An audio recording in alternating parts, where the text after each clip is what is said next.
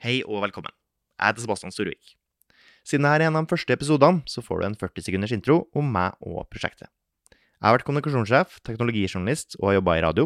I ca. ti år så har jeg drevet med podkast både privat og profesjonelt, og dette blir mitt første helhjerta forsøk på å lage en intervjupodkast på egen hånd. Dette er ikke originalt, jeg skal samtale med folk jeg syns er interessant, eller som har interessant kunnskap. Enkelt og greit, fordi jeg har en hypotese om at det er rom for enda mer troverdig innhold. Jeg skal mikse kjente og ukjente stemmer.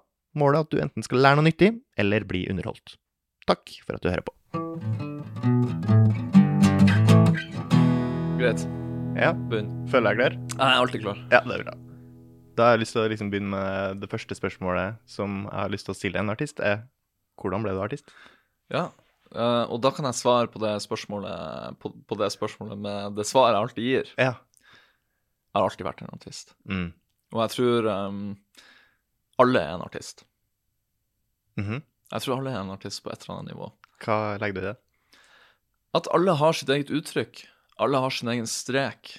Alle har sin egen energi og på en måte um, Ja, uttrykk, da.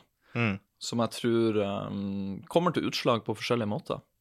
Og så tror jeg noen um, begrenser det mer enn andre. Så Mm. tror jeg noen stenger det av. Så tror jeg noen ikke aksepterer seg sjøl og energien sin. Og så har du um, Ja, jeg, jeg tror det. Jeg tror alle er litt artist.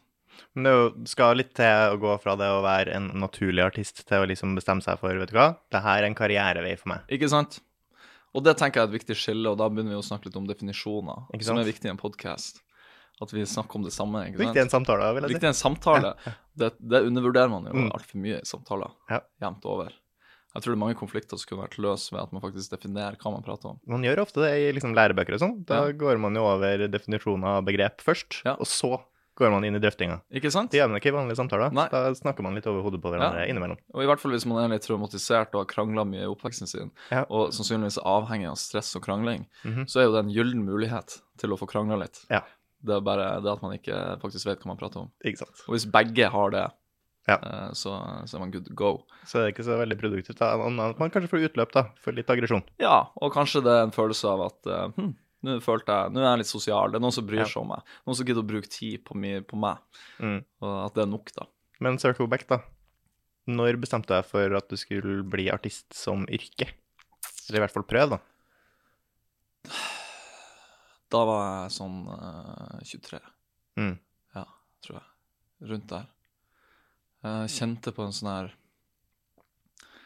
Jeg hadde jo begynt å eh, studere juss etter videregående, fordi eh, jeg tenkte jo at eh, Ja, jeg har de forutsetningene jeg har, jeg kommer fra den familien jeg gjør. Um, og uh, hvis jeg skal klare meg sjøl, så må jeg gå hardt inn i noe som uh, er vanskelig. Mm. For jeg kan ikke stole på at uh, ting skal gå bra hvis ikke jeg tar ansvar sjøl. Så, så det gjorde jeg, og da begynte jeg å studere juss. Og um, det er jo veldig sånn counterintuitive for hvem jeg egentlig kanskje Kanskje, kanskje ikke, men kanskje, på den tida var det i hvert fall det. Ja. Og, um, og kjente etter hvert som jeg gikk litt inn i det og tilpassa meg litt det uh, miljøet, eh, den konteksten av å gå på et jusstudie med de menneskene som er der, og de kutymene og den kulturen som er der, så kjente jeg en ulmende følelse av noe som ikke var helt rett. Og, um, og kjente at jeg ble veldig trigga av ting. Jeg ble sjalu. Jeg var trigga av musikk, av folk som spilte, av folk som um, lagde ting. Mm. Og jeg tok det som et tegn på at dette er en del av meg som jeg ikke gir nok plass. Um, og, um, og derfra begynte på en måte den her, en slags sånn her um, En reise en sånn her, Jeg hengte meg helt opp i det å lage musikk og ble helt sånn Gikk, gikk så dypt inn, jeg ble helt fanatisk. Um, på hvordan, hvordan lager jeg en sang? Hvordan lager jeg en god Hvordan produserer jeg en sang? Hvordan funker det her? Hva er et plateselskap? Hvor, hva, hvordan, hva er det der? Hva er det der fenomenet? Hva, hva, hva gjør Bendik, da? Sitter Bendik med PC-en og googler og YouTube og alt Ja. mulig? Det er det Bendik gjør. Ja. Han bor på en dublett oppe i uh, Elverhøy i Tromsø med en nederlandsk utvekslingsstudent. Uh, og eh, bare laga et stort univers i hodet sitt Mm. om hva er det, og hvordan er det, og det, og hvordan funka det, og hva skjer hvis man gjør det, og så ikke sant? Så jeg, jeg begynte å prøve å være pragmatisk, laste ned Logic, som er en DAV, som da er en, en, en workspace for å kunne lage musikk i. Mm. Um, begynte å finne ut av det litt. Begynte å snakke med folk som kanskje drev med musikk. Så, ikke sant? Var bare veldig nysgjerrig. Kunne sitte på YouTube i fem-seks timer og bare Ja, alt som Mm. kunne ha en eller annen slags relevans, var jeg interessert i. Men det var liksom trigga litt av misunnelse, egentlig? Ja. ja. Du har jo hørt eller så artister og tenkt faen, det, det kan Hvorfor får de det? Hvorfor får de Ja. lov til å holde på sånn? ja. Og, og så kan man spørre seg hva er misunnelse? Ja. Um, jeg syns jo det er veldig Det, veldig, det ser jo, blir jo sett veldig ned på. Mm. i samfunnet. Det er jo litt sånn negativt lada ord, da. Mis er du misunnelig? Å ja, hvem er du Mm. som er misunnelig? Faen, hvor teit du er. Mm. Jeg tenker jo det egentlig bare er et lite tegn på at um, det er noe et annet sted som ikke er i deg sjøl, som fanger interessen din på et eller annet vis. Ja, og ikke minst en god pekepinn mot hva du kanskje har lyst på. Ja, Hvis du ikke vet hva du vil, så er jo liksom å lete etter hva du er misunnelig på, jo, Ja. kan jo være en god liksom, ledestjerne. Mm. Men hva, hva, hvor går veien fra 'hei, jeg skal bli artist' til første låt som du virkelig har trua på? Ja, i mitt tilfelle så, um, så var det jo den første låten jeg på en måte konstruerte med det formålet at denne skal på radioen. Ja. Og det var, Det var et mål. Det var et mål. jeg Målet skal være 'jeg skal ha en låt på radio'. Ja. Ok. Jeg hadde jo skrevet masse musikk før, men det hadde Mm. bare vært ikke, jeg, jeg vil ikke si bare, for det er veldig, var veldig, og er veldig fin musikk. Mm. Vanvittig fin musikk som jeg kanskje aldri, ikke vet hvordan jeg engang har skrevet, og hvordan jeg fikk det til. Ikke sant, Når jeg var 14 år, så laga jeg noen helt syke greier som jeg aldri vil kunne gjenskape. Men, eh, men dette var første gangen jeg konstruerte musikk med et formål. Det hadde jeg aldri gjort før. Og ikke minst kanskje med litt mer struktur, eh, i og med at du nå på en måte Ja. har lært deg mer Ja, musikk. Litt mer struktur, litt mer sånn at dette er et vers, Ja. og så kanskje man må ha et slags refreng, da. Mm. Og kanskje Jeg var, jeg hadde jo ikke peiling på noen ting, eh, og det var veldig bra. Og så sant, kanskje det er en slags fauna av musikk eller lyd eller brands der ute som på en måte mm, nesten fungerer som en slags børs, da. Uh, med forskjellige brands som har forskjellig verdi, der eh, og, og verdien kommer fra en kollektiv eh, konsensus om at det brandet representerer det eller det eller de verdiene, da. Mm. Og at man kanskje får fangruppe, eller ikke sant, folk som lytter til det, da. Mm. Eh, og at det på en måte får en tilført verdi, da. Det er jo sånn i essensen av det å være et brand. Uh, og tok en finger i lufta og bare sånn OK, hva hvis jeg gjør sånn og tar litt av det og kombinerer det, og det blir et sånn type sound? Jeg, hadde en veldig sånn klar tanke om Jeg vil ha Jeg vil at det skal høres sånn ut. Ja. Litt organisk, men med elektroniske elementer. Um, og hadde veldig trua på at det kom til Jeg visste at det kom til å funke. Det er det sykeste. Jeg har aldri vært mer sikker på noe i hele livet mitt enn at liksom Enn at det der kom til å funke. Mm. Det var helt rart. Og um, jeg, har hatt, jeg har ikke hatt den følelsen igjen mm. på den måten der. Men da har du eh, bestemt deg for at du skal bli, eller i hvert fall prøve å bli artist. Du har Ja. laga en låt Ja. som du nå har en helt sinnssyk eh, tro på. Mhm. Hva gjør man da? Si til alle at jeg har en låt, og den kom, jeg har helt sinnssyk tro på den. Ja. Den kommer til å funke. Okay. Det var det jeg gjorde. Men hvordan får du den, hvordan blir den låta Hvordan får du den låta da på radioen? Eller hvordan får får du produsert den låta? Nei, det, begynner jeg, det begynner med at jeg har tro på den. Ja, ok. Jeg har sykt tro på den. Ja. Og det er ikke en sånn her Jeg har tro på den fordi at jeg forstår at jeg må ha tro på den for at det skal funke. Nei. Det er sånn, Jeg har tro på den fordi at den er jo skapt for det den, den, det, det den skal være. Ikke sant?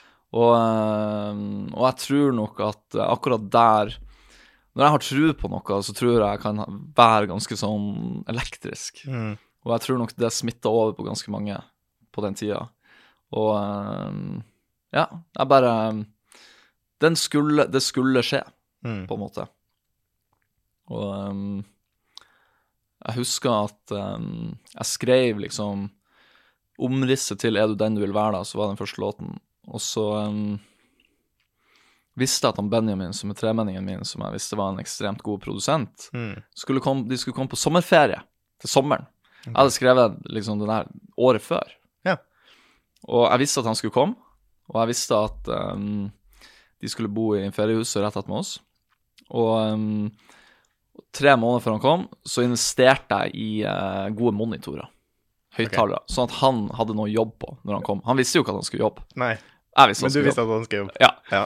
Og, uh, så de satte opp i fjøsen, og liksom jeg visste, ei uke før han kom, så laga jeg et litt sånn studio i fjøsen. Ja. Alt var klart. Okay. Gitaren sto der, jeg hadde laga den her sangen jeg hadde sånn tro på. Ja. Alt var liksom ready. Han visste ingenting. Nei. Og så kom han. Og så, ikke sant, så henger vi litt en dag, en to, og så sier han sånn Men du, Benjamin, skal ikke vi eh, Så kan vi bli nå oppe i fjøsen her eh, på Ørsnes. Jeg har laga litt eh, Ja, jeg har kjøpt noen monitorer. Ja. Eller en sang jeg har lyst til å vise deg. Og så gjorde vi det. Og så kicka han på det. Ja, Og vi ble sittende inne i ei uke nettopp. og produsere en demo på den. Det var alt vi gjorde. Ok. Så Benjamin, da? Ja. Trigga på det her med en gang, eller måtte Ja, liksom overtales? Eller han Nei. fikk trua, han, og Ja, smitta din han spurte entusiasme? Hva vil du, Bendik? Og så sa jeg jo, den skal på radioen. Ja. Så, OK. Og så begynte vi bare å jobbe. Ja. For han visste, han visste hva han skulle gjøre. Nettopp. Jeg hadde visst hva jeg skulle gjøre. Vi visste hva vi skulle gjøre. Nei. Så um, Og hva gjør man når man har demoen, da? Hva, hvor går veien fra demo til radio? da um, eh, Da må man sende den demoen til noen som kan sende den til radioen, f.eks. Uh, og helst noen som på en måte har litt kommunikasjon med radio. Mhm. Sånn at det er en eller annen slags uh, profesjonalitet der, kanskje. Mm. Uh, ja, som et management eller et label eller det ene eller det andre. Og så hadde Benjamin en fyr som han hadde kontakt med og kjemi med, Mm. som drev et label i Bergen. Og eh, han sendte den demoen til han. Og uh, han sa OK, jeg kan gi det her ut. Det er kult. Og så um, sa han ja, jeg trenger et cover. Jeg trenger uh, presseskriv. Jeg visste jo ikke hva det var. Presseskriv. Heldigvis så hadde jeg en kompis på jusstudiet som hadde en del erfaring siden han hadde spilt i et band som heter Ondt blod Mm. og uh, var dreven på drift av band. Man skjønte hvordan man, man drifta et band, da. Så han var jo helt uh, essensiell i akkurat den der delen, når folk begynte å snakke om presseskriv. Så han, da fiksa han en presseskriv, okay. ikke sant? Ja. Og så, eh, ja, og så skulle vi ta coverbilder, og så visste han om en fotograf. Men jeg visste hvordan coverbildene skulle se ut. Jeg ville at de skulle være fargerike. Jeg ville at de skulle være gul og oransje farger, sånn at det fanga blikket til folk når det kom i avisen, ikke sant? Ja, jeg, er det noe gærent, da? Nei, det var ikke noe gærent. Nei. Det funka jo. Ja. Så det var jo liksom Det ble veldig sånn pop, liksom. Alt ble veldig sånn Og um, jeg vet ikke, det var en sykt artig tid, for at alt var Det var så åpenbart hva som skulle skje, og når det skjedde, så funka det. Mm. Det var veldig rart. Mm. Det var en magisk opplevelse. Helt mm. klart. Ja. Så da presteskriv i boks, litt hjelp fra Ondt blod. Eh, Så når låta av en eller annen grunn radio, eller når den et label, eller Nei, da hadde jo Da sendte vi det inn til det labelet som samla det bildet, som hadde det eh, Det coveret, Mm. og som sendte ut det presseskrivet da, til f.eks. radio og media osv. videre, Og, Mm. og så um, ble den tatt opp på radio, da, på P3. Mm. Og um, jeg hadde jo vært i praksis i uh, folk... Nei um, Forbrukerrådet Ja. i Trondheim en måned. Og mens jeg hadde vært der, uh, så hadde jeg skrevet For jeg syntes det var så jævlig kjedelig. Ja. Så jeg satt jo på et sånt kontor hver jævla dag inne i Trondheim der og var i praksis for jeg var på jusstudiet. Og da skrev jeg et manus til musikkvideoen okay. til Er du den du vil være? Og det jeg gjorde. Og, og, og så får vi filma det ute i gata i Trondheim, da. Så jeg hadde jo en musikkvideo òg, Ja. når vi slapp det her. Du var jo klar, du. Ja, så sendte jo den musikkvideoen til alle medier og alt mulig, og tima det sånn at uh, i Tromsø fikk den først, og så Lofotposten, så kalte man seg for en Tromsø-artist, men så kalte man seg for en Lofoten-artist, så til Bodø, så kalte for en Bodø-artist, ikke sant.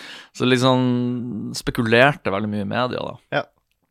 Astrid S var jo veldig høyt oppe på den tida, jeg husker jo liksom ehm, det visste ikke jeg, men jeg bare tenkte Vi må bare, i alle intervjuer man gjør, name-drop den mest populære artisten i Norge akkurat nå. Ok. Og da ble det Astrid S, da. Ja. name-droppa henne, det ble en sånn stor P3-sak om Kayander eh, vil at Astrid skal følge han på Instagram, eller noe sånt der piss. Og så, og så, og så fulgte P3 det opp, sånn at hun Og så begynte hun å følge meg på Instagram. Ja, hun begynte å svare, hun måtte jo følge meg på Instagram. hun unfollow meg jo åpenbart. spurt, ja. Men uh, etter hun hadde liksom gjort det P3 sa, men ikke sant Så, så det, det var bare et sånn sammensurium av en sånn fantasi som ble til, til, til ekte, da. Ja. Um, For da var det liksom bare sånn Du er fan av A3S, eller du er litt småforelska i A3S, eller Ja, det var liksom, det. Bare prøve å generere Ja. noen greier der? ja, Ja. Og det var, men det var kun kynisk. kun kynisk. Ja. Eller, Eller flott, flott, flott, flott noe dame, flott jente og sånn, ikke sant? Jeg hadde jo ikke peiling på hva. Det som var greia, det var jo at liksom Alt det her var jo bare min fantasi. Ja. Når det begynte å bli vanskelig, det var jo når det gikk opp for meg at jeg måtte være en del av denne fantasien. Ja, ok. Det er faktisk, det er faktisk mitt ansikt, det er meg, det er han Bendik, som må gjøre det her. Mm. Det er som plutselig Jeg hadde stått og booka masse festivaler. ikke sant? Det var en konkurranse på å få det til. Mm. Hva kan man få til med denne låten? Hvordan kan man være kreativ? Hvordan kan jeg få, få Det var som en sånn her Det var som en sånn her At man sitter og lager en eliksir Uh, i middelalderen om liksom en sånn eliksir som skal gjøre Skal helbrede noe, eller en magi. -hmm. Og så ser man at man gjør én ting, og så funker det, og så skjer det, og så skjer det, og så skjer det. Så det var bare sånn sykt motiverende, den Ja. prosessen der. Men Så fant du ut at det du var en del av det jo ingrediensene? er Det er jo jeg som på en måte er Ja, jeg var en, jeg var en veldig essensiell del av det. Du må hoppe opp i gryta sjøl? Ja. Ja. Og, eh, og da var jeg jo egentlig ikke klar for det. Nei. Jeg var jo bare en gal, gal mann Ja. på en dublett i, i Tromsø okay. som skulle utleve en fantasi fordi jeg prokrastinerte vanvittig, for jussu, det var dritkjedelig. Men låta slo an. Uh, artisten Kayander slo an. Ja. Slo gjennom. Ja. På mange måter, med en gang, med første låt. Ja. Uh, og alt der gikk uh, Ja, du ble ganske stor på ganske kort tid. Er 0 til 100. Hvordan var det? Absurd. Ja. Uh, uforståelig. Ubegripelig. Um, jeg forsto jo ikke omfanget av hva som egentlig skjedde, og hvordan dører som egentlig var åpne på den tida. Mm. Og um, hadde jeg visst det jeg vet i dag, så um, hadde man kanskje forvalta det på en annen måte. Mm. Uh, mm. Samtidig, hadde jeg visst det jeg vet i dag, jeg ikke sikker jeg hadde gjort det. Så um, mm, det er litt interessant. Ja. Men uh, hva, hva var det som uh, Hva var det som stoppa ballen å rulle? Eh, nå hadde Kayander blitt stor. Når var det du merka at eh, ok, det her var litt, kanskje litt slitsomt, fordi jeg må Mm. være en del av det brygget, som du Ja. har diskutert sjøl? Ikke sant? Eh, Nå må jeg bare si at eh, den tida her var veldig kaotisk for meg. Mm. Og alt jeg gjengir nå, er jo minner som jeg har, som er på en måte Som jeg tolker gjennom den jeg er i dag. Og jeg, jeg opplevde det egentlig som at jeg var en helt annen person på den tida. mm. Um, men jeg var jo fortsatt meg, og jeg er jo, føler jeg er mer meg i dag enn jeg var da. Uh, sånn at jeg på en måte lar min mening i dag trumfe uh, det jeg eventuelt tenkte på den tida. Ja. Uh, bare sånn at det liksom er lagt til grunn for den videre samtalen. og så um, Ta litt ansvar for den du var, men ikke 100. Ikke sant? um, hva var spørsmålet ditt igjen? Spørsmålet er når var det du merka at det ble for mye? Altså når var det, Ja. når var det ikke artig lenger? Ja. Eller Når merka du på en måte nedsidene ved det å faktisk slå gjennom som artist? Som egentlig, hvis det var målet, så Ja. høres jo det fantastisk ut. Ja. endelig slå gjennom som artist. Ja. Det var jo eh, dritgøy. Ja. Helt først. Og så um, Så skal man begynne å spille konserter og sånn. Eh, og det var litt sjukt. Da var jeg, for der var jeg ikke helt klar. Ok.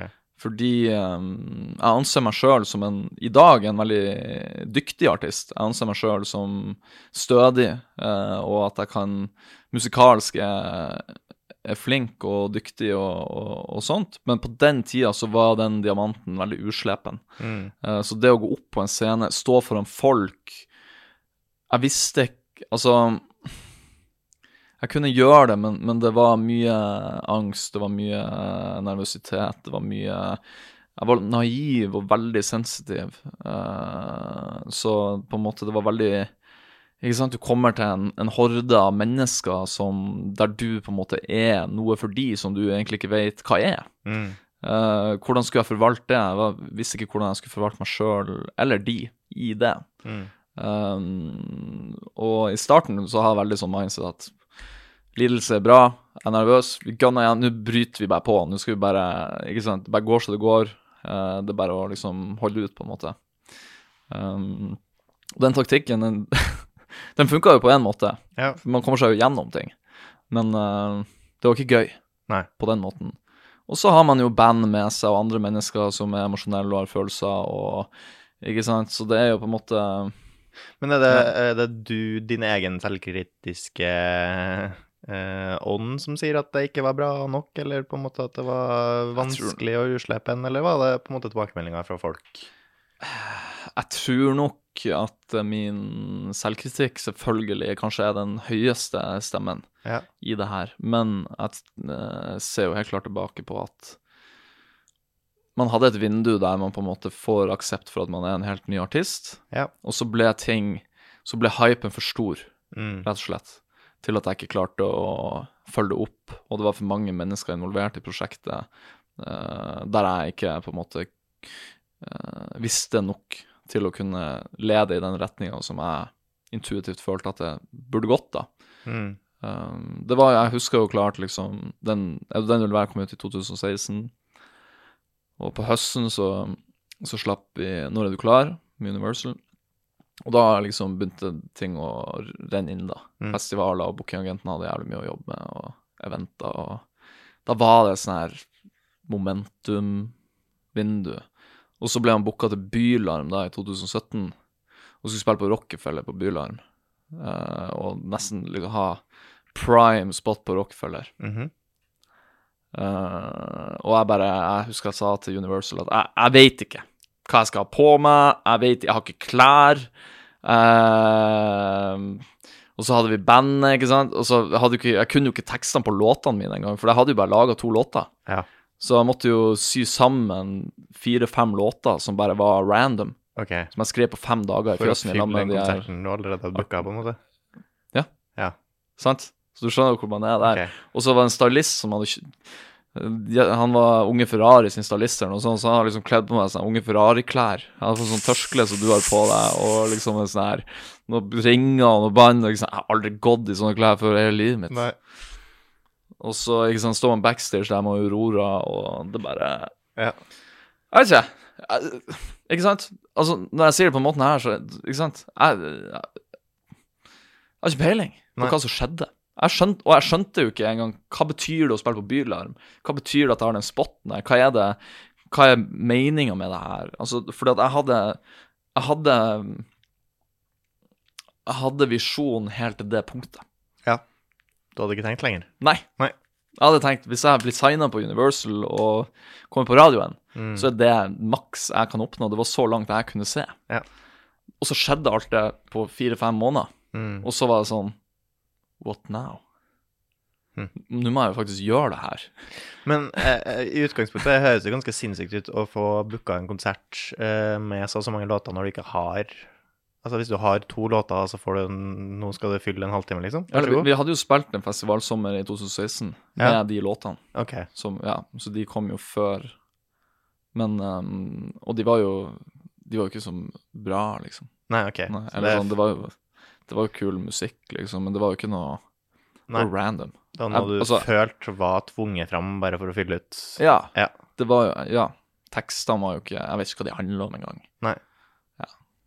Greit. Og da er den konserten Hvordan føler du den konserten gikk, da? Dårlig. Ja. Sjøl. Ja. Um, men man gjennomførte det jo. Det var, jeg har jævlig dyktige musikere med meg. Mm. Uh, folk som visste hva de gjorde, og ting hørtes jo musikalsk bra ut. Mm. Det er det ikke tvil om at det gjorde. Uh, men meg som artist i det Mm. var Hadde litt å gå på. Hva skal jeg si? Hva er min rolle for dette publikummet? Hva er det liksom Hva er det som skjer her akkurat nå? Uh, det skjønte jeg ikke. Mm. Så jeg var bare sånn her Hallo! Ikke sant? Nei, Kajander og her og der. Nå sang jeg den sangen her. Og så sang jeg den sangen, og så Og så var det neste sang, og så Ja. Ikke sant? Og det er jo det man gjør, på en måte. Men ny, fersk artist så er jo på en måte Det går nå greit, det. Ung, det, det må gå bra. Ja. Du med tenk- der for å spille litt musikk. Det, det er jo ikke noe mer enn det. Du må liksom ikke ha bra talk mellom låtene, må man det? Man må ikke det, selvfølgelig ikke. Men jeg tenker poenget her er liksom Poenget er ikke nødvendigvis at For at jeg, jeg tenker at det, det er jo selvfølgelig lov å være en ny, uslepen artist. Ja. Men poenget var at man ble kanskje sittet i situasjoner man ikke var klar for altfor tidlig. ja. Og Og litt hvis-. Og litt for mange av de. Ja. Og hvis man hadde liksom kanskje ta seg litt bedre tid, eller eh, på den ene sida, eller ja, visst, forstått mer av hva som skjedde, Mm. og hva det var man faktisk prøvde å oppnå med å gjøre de tingene, så kunne man kanskje ha konstruert ting på en annen måte. Hvordan ville du ha gjort uh, ting hvis du skulle gjort det i dag, da? Hvis det samme hadde skjedd på nytt, Mm. Ta meg bedre tid, kuratert musikken bedre, de låtene som kom ut under momentumet, og mm. um, um, vært mer nøye med hvordan folk jeg hadde rundt meg. Um, og ikke latt meg forlede av fristelsene, da, Mm. som uh, eh, I like stor grad. Det virker jo som å ha litt den her eh, tryggheten til å si nei, da, Ja. til enkelte ting. Ikke sant? Jeg var og spilte en gig i går, Ja. og uh, på et event, ikke sant? Og um, kjempegøy. Uh, men man kommer jo inn i en setting der det er masse folk som f.eks. er på en fest, da, som de har venta på i lang tid, gleda seg til, Mm. og skal drikke masse alkohol. Og man kommer inn som et innslag for å underholde disse fulle menneskene. Mm. Og um, um, Det er jo veldig Ikke sant, det der å forstå det skillet om at jeg er egentlig på jobb nå. Jeg får penger for det her. Hva er min rolle i det her? Mm. Og, så, um, og når du har gjort jobben din, når det er gjort, når du har eh, sunget, og de har fått en energioverføring fra deg og den musikken du har, og det du skal gi, og så etterpå, så i hvert fall i det segmentet jeg opererer, da, så er det jo fort gjort at du skal ha mye bekreft Du får jo bekreftelse fra folk som liker musikken, eller ikke sant, det er popmusikk. Og um, fulle folk, fulle damer um, Ikke sant? For en heterofil mann så kan det være utfordrende. Og, ikke sant? Det er jo en sånn der litt sånn kunstig Kunstig um, dynamikk, da. Mm. Um, og jeg tror òg når man har performa, så føler man gjerne kanskje på en slags sånn Jeg gjør i hvert fall det. Veldig, det kan være mye adrenalin, det kan være dopamin, det kan være åh, du har jobba lenge mot noe, så du får til. Det er liksom en sånn sammensurium av følelser i kroppen som man ikke vet hva er. Som føles litt tom etterpå. Sliten, trøtt, sulten. Um, du har liksom blottlagt deg ved masse mennesker. Og kanskje du har behov for litt bekreftelse ikke sant? for at om det var bra eller ikke. ikke sant? Sånn at du får, og, og, og liksom Det kaoset her er jo veldig vanlig for musikere og artister og folk i underholdningsbransjen å døyve med alkohol eller rus eller sex. Mm. Um, så det å på en måte være bevisst på de fellene er jo viktig og vanskelig. Mm. Um, ja, og ikke tenk, liksom, jeg husker jeg hadde en sånn mindset nesten før, da jeg var yngre i det, at det er nesten sånn Hvis jeg spiller en konsert, så er det nesten belønninga mi ei dame etterpå, ikke sant. Det er som en sånn belønning. Mm. Det er sånn veldig sånn rart mindset som uh, jeg tror er ganske destruktivt i lengden. Ja, merka du at det ble destruktivt i lengden? Mm. Men hva nå, klarte du å Du sier at du liksom var nervøs før konserter og liksom var stress for du følte ikke du var flink nok. Klarte du å nyte det? Klarte du å nyte nyte at du står på scenen Nei. her foran masse folk som står og jubler? For det er jo ganske, det må en ganske sinnssyk følelse, liksom. Jo, jeg nøyt Jeg nøyt um, Jeg nøyt Jeg nøyt det. Jeg nøyt øyeblikk av det. Mm. Små, korte øyeblikk der man er Kanskje man er midt på den scenen der og er midt i giggen, og man kjenner at ting går bra, og at folk koser seg, de som Mm. er og ser på. Eller at musikken bare At energien i det du eh, fremfører, er jævlig bra.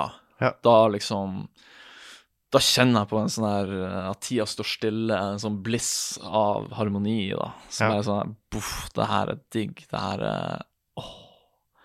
Føl det, og man kan bli avhengig av den følelsen der. Mm. Det er det mange som blir. Um, men så var det kanskje, når det er over, da, så er man tilbake i en eller annen slags sånn kaotisk verden. I hvert fall Mm. var det sånn for meg. Og også, man vet ikke hvor lenge Jeg hadde, visste ikke hvordan Hvordan skal jeg få det her til å vare? Hvor lenge skal det her vare? Eh, jeg tjente jo ganske mye penger også på det her, så det ble jo litt sånn her Er det her noe jeg skal leve av? Er det her jobben min nå?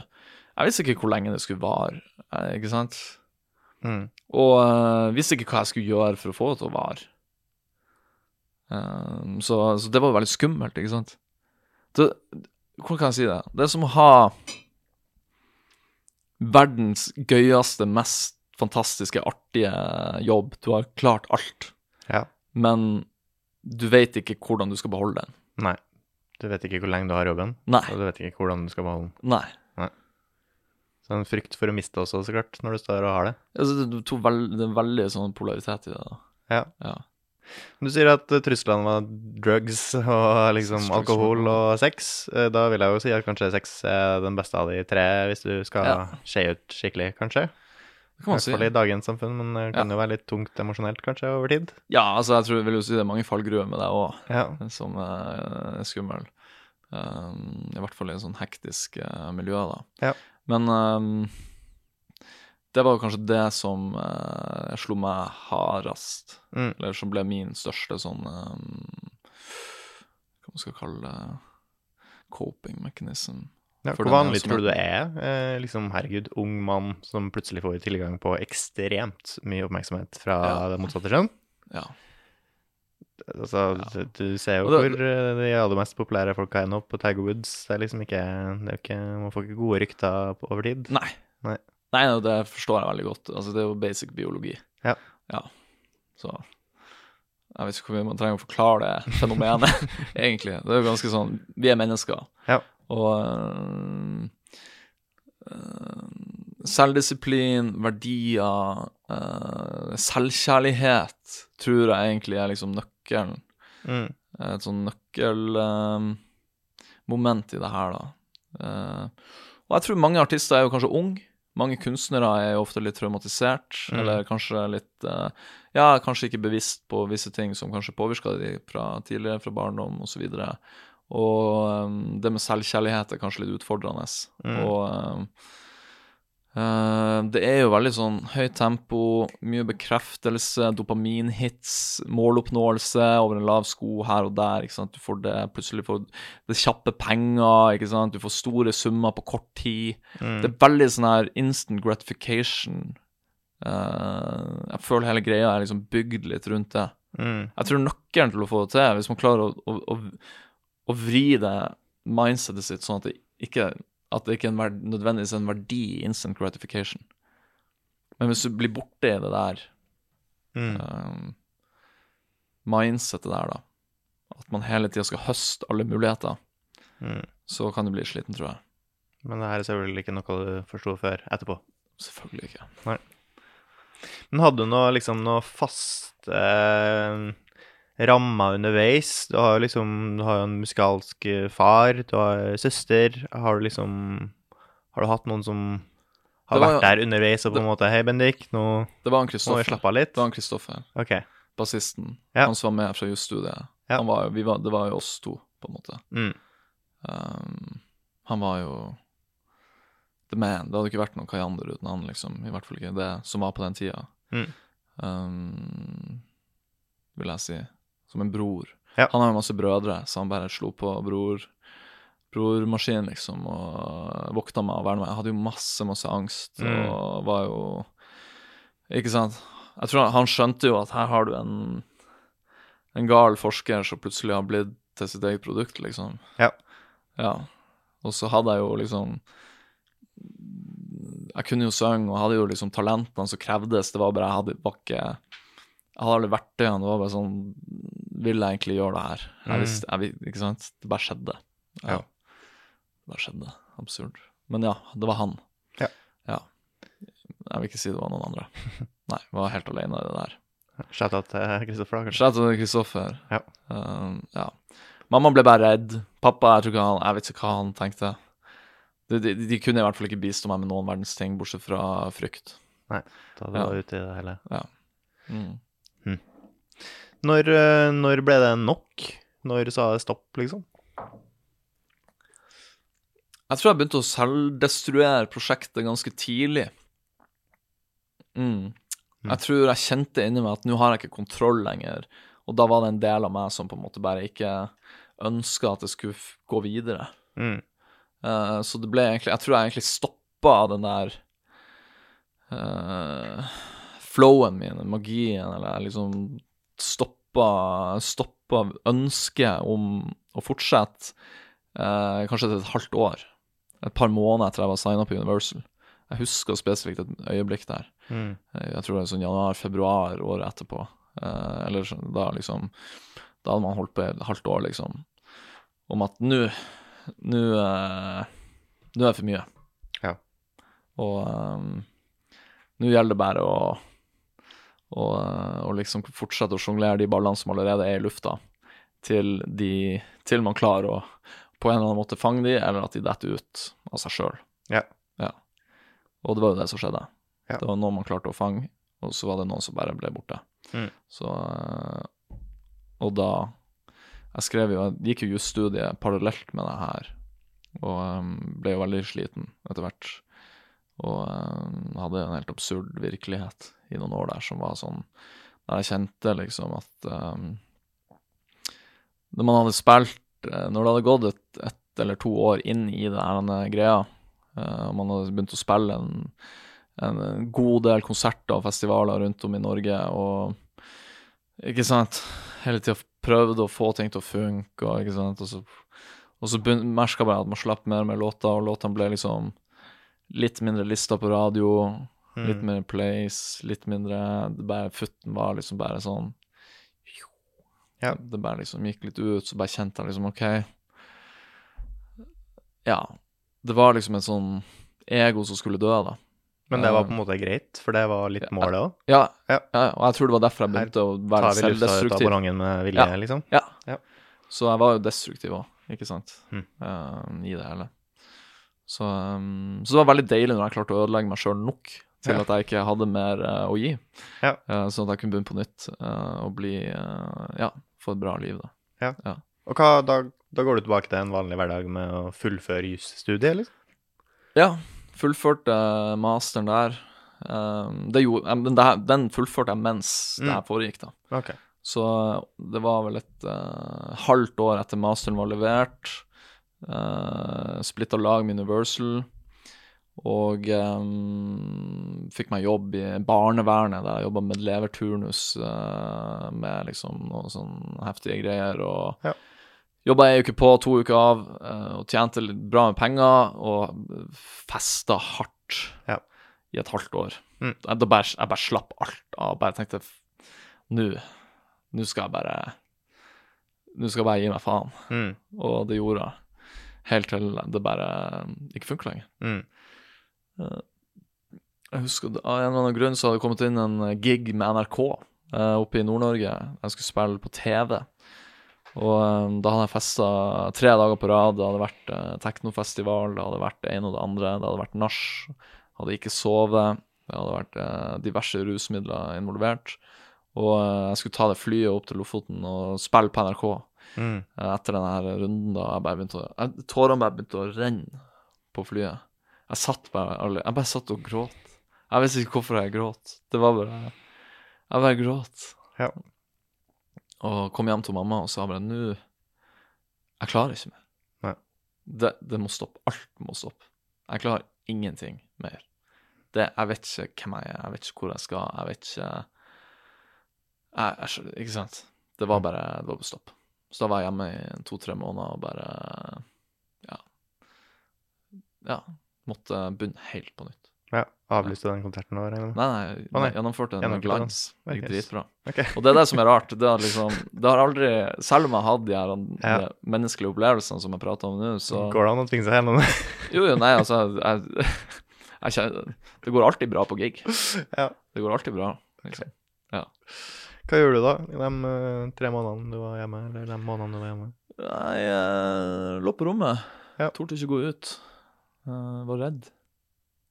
Uh, laga nevrotiske scenarioer oppi hodet mitt Mm. om det ene og det andre. Um, ja. Hvordan løfta det ut derfra, da? Åh. Begynte helt på bunn. Begynte helt med bare basic ting. Søvn. Um, um, Få det på plass. Uh, mat. Begynte å interessere meg for mat. Trening. Forenkle ting. Bare liksom Det var et sånn motto jeg sa til meg sjøl, at det er ingenting jeg må gjøre. Mm. Jeg må ikke gjøre noen ting. Og det begynte jeg liksom å inkorporere da, i livet. Så bare liksom Ingenting jeg må gjøre, hva er det jeg vil gjøre? Det er jo eh, mer liksom Jo, jeg har lyst til å ha det Jeg har lyst til å kjenne meg bra, er har lyst til å føle meg bra. Hvordan gjør jeg det? Ikke sant? Så, så begynte det å reise derfra, der man Nesten en lignende prosess med hvordan hele greia begynte. Andre, det var mer sånn Nå må jeg finne folk, nå må jeg finne ut av hvordan jeg løser det det å Mm. ha det bra. Um, møte nye folk som uh, kanskje kan lære meg ting, som kan se meg og si at hei, nå bruker du veldig mye av energien din på det her, kanskje du skulle fokusert på noe annet, og sånn. Så en prosess tar lang tid. da. Så det tok jo mange år før jeg klarte å liksom kjenne at oi, nå har jeg ikke angst når jeg møter en ny person. Eh, nå er jeg ikke har jeg ikke forskrudde tanker om hva virkeligheten er, eller Ikke sant? Det var bare sånn Jeg er jo selvfølgelig en gal forsker. Det, det har jeg alltid vært, vil jeg Mm. alltid være, men eh, nå kjenner jeg en sånn Jeg kjenner ro inni meg. Slutta å drikke, drikk, ikke sant. Aldri vært noe glad i alkohol, men det var bare sånn at OK, men det vil, jeg vil ikke ha det. Hvorfor har jeg sagt ja til det før? Det er jo bare fordi jeg ikke har vært bevisst på det. Mm. Men jeg, jeg ble bevisst på ting. Og begynte å si nei til ting, og begynte å tenke OK, hmm, jeg ser på pornografi. Hva gir det meg? Gir meg ingenting. Det tar bare energien min, og Ja, så det måtte bort. Mhm. Og det var vanskelig. Ikke sant? Det ting som man har Hva var verst, alkoholen eller pornoen? Ja, pornoen, helt klart. Alkohol var null stress for meg, altså. Ja. Men um, det er bare en sånn ting som man copa, brukte å cope, eh, men rømme fra øyeblikket, da. Ja. Røy fra det å være til stede, for man er redd for å i sekundet du er til stede, så vil jo kroppen, tenker jeg, sånn som jeg ser på det, synke og harmonisere med det som er ekte i universet, da. Og, eh, og da eh, kanskje kommer ting til overflaten, følelser som du ikke har prosessert. Det blir en sånn Ja, så det er skummelt å være til stede, og da kanskje bruker man hele tida Kanskje man bruker snus, kanskje man bruker kaffe, man bruker alkohol. Man bruker et, eh, et fake eh, ego, eller et, et selvbilde av deg sjøl som egentlig ikke er ekte. Mm. Eh, For å rømme fra det å bare være, da. Ingenting. Kanskje det er skummelt å bare være. Kanskje du må være Kanskje jeg måtte være han Kajander for å være god nok. Hvordan er han Kajander? Jo, for å være han Kajander så må jeg tenke på hvordan jeg kan fortsette å være en artist. Hvordan kan jeg klare å få det og det til? Hvordan kan jeg Ikke sant? Så da sitter du og har angst og er nevrotisk. Mhm. Men så måtte liksom, det egoet dø. Hva er jeg da? Det er jo skummelt, ikke sant? Mm. Så, eh, så Fant, du, jeg, fant du ut av det? jeg tror det. Hvem er Bendik? Alt og ingenting. Ja. Ja. Det er jo bare ben, Ikke sant? Bendik òg. Bendik kan jo være noe annet for deg enn det er for meg eller for noen andre. Det er bare et navn. Ja.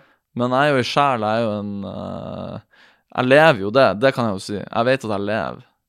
Uh, jeg vet at jeg sanser ting, jeg vet at jeg har en persepsjon av at jeg eksisterer. Ja. Um, men jo mer um, jeg velger å på en måte ikke tenke og bare gi slipp, gi meg hen til å bare eksistere, jo mindre på en måte er jeg, og mer. Det ble jo litt sykt det her, men ikke sant? Veldig New Age-energiaktig. Age, ja. Det er jo noe, for all del. Det er jo, det er jo sikkert noe i det. Hvordan, eh, hvordan tok veien der da fra du finner deg sjøl litt i større grad, du blir litt eldre, du eh, klarer å flytte hjemmefra igjen på et eller annet tidspunkt? Mm Eh, er Du er jo her i Oslo nå. Ja. Eh, Hvordan tok veien eh, til Oslo? Nei, altså jeg bodde jo i Oslo den, på, på den tida, men uh, da hadde jeg bodd i et kollektiv og, som ikke var så veldig bra. Så jeg flytta ut av det og fant meg um, leilighet der jeg kunne bo alene. Mm. Studioleilighet, 7000 i måneden, litt sånn litt ut ved Grünerløkka. Rottereir. Men uh, det hadde ikke så mye å si. For jeg skulle bare begynne på nytt. Ja. Jeg skulle bare være alene og utforske hvordan kan jeg, opp, ha, hvordan kan jeg ha det bra. Mm. For da hadde jeg ikke Ikke sant, hvordan kan jeg ha det bra? Det var veldig spennende å finne ut av, for jeg har ikke hatt det bra før. ikke sant? Det var jo det som begynte å gå opp for meg. at Jeg har jo alltid vært i et stress. En, et, et falskt ego som skulle overleve på en eller annen måte. Mm. Um, selvfølgelig har det jo vært tider som har vært bra, artig og gøy, og herregud, jeg har jo levd et fett liv, liksom. Men en følelse av ro hadde jeg aldri hatt. Og det var den jeg liksom hadde lyst til å finne ut av, da. Mm. Når oppi der eh, fikk du fast jobb i Creo?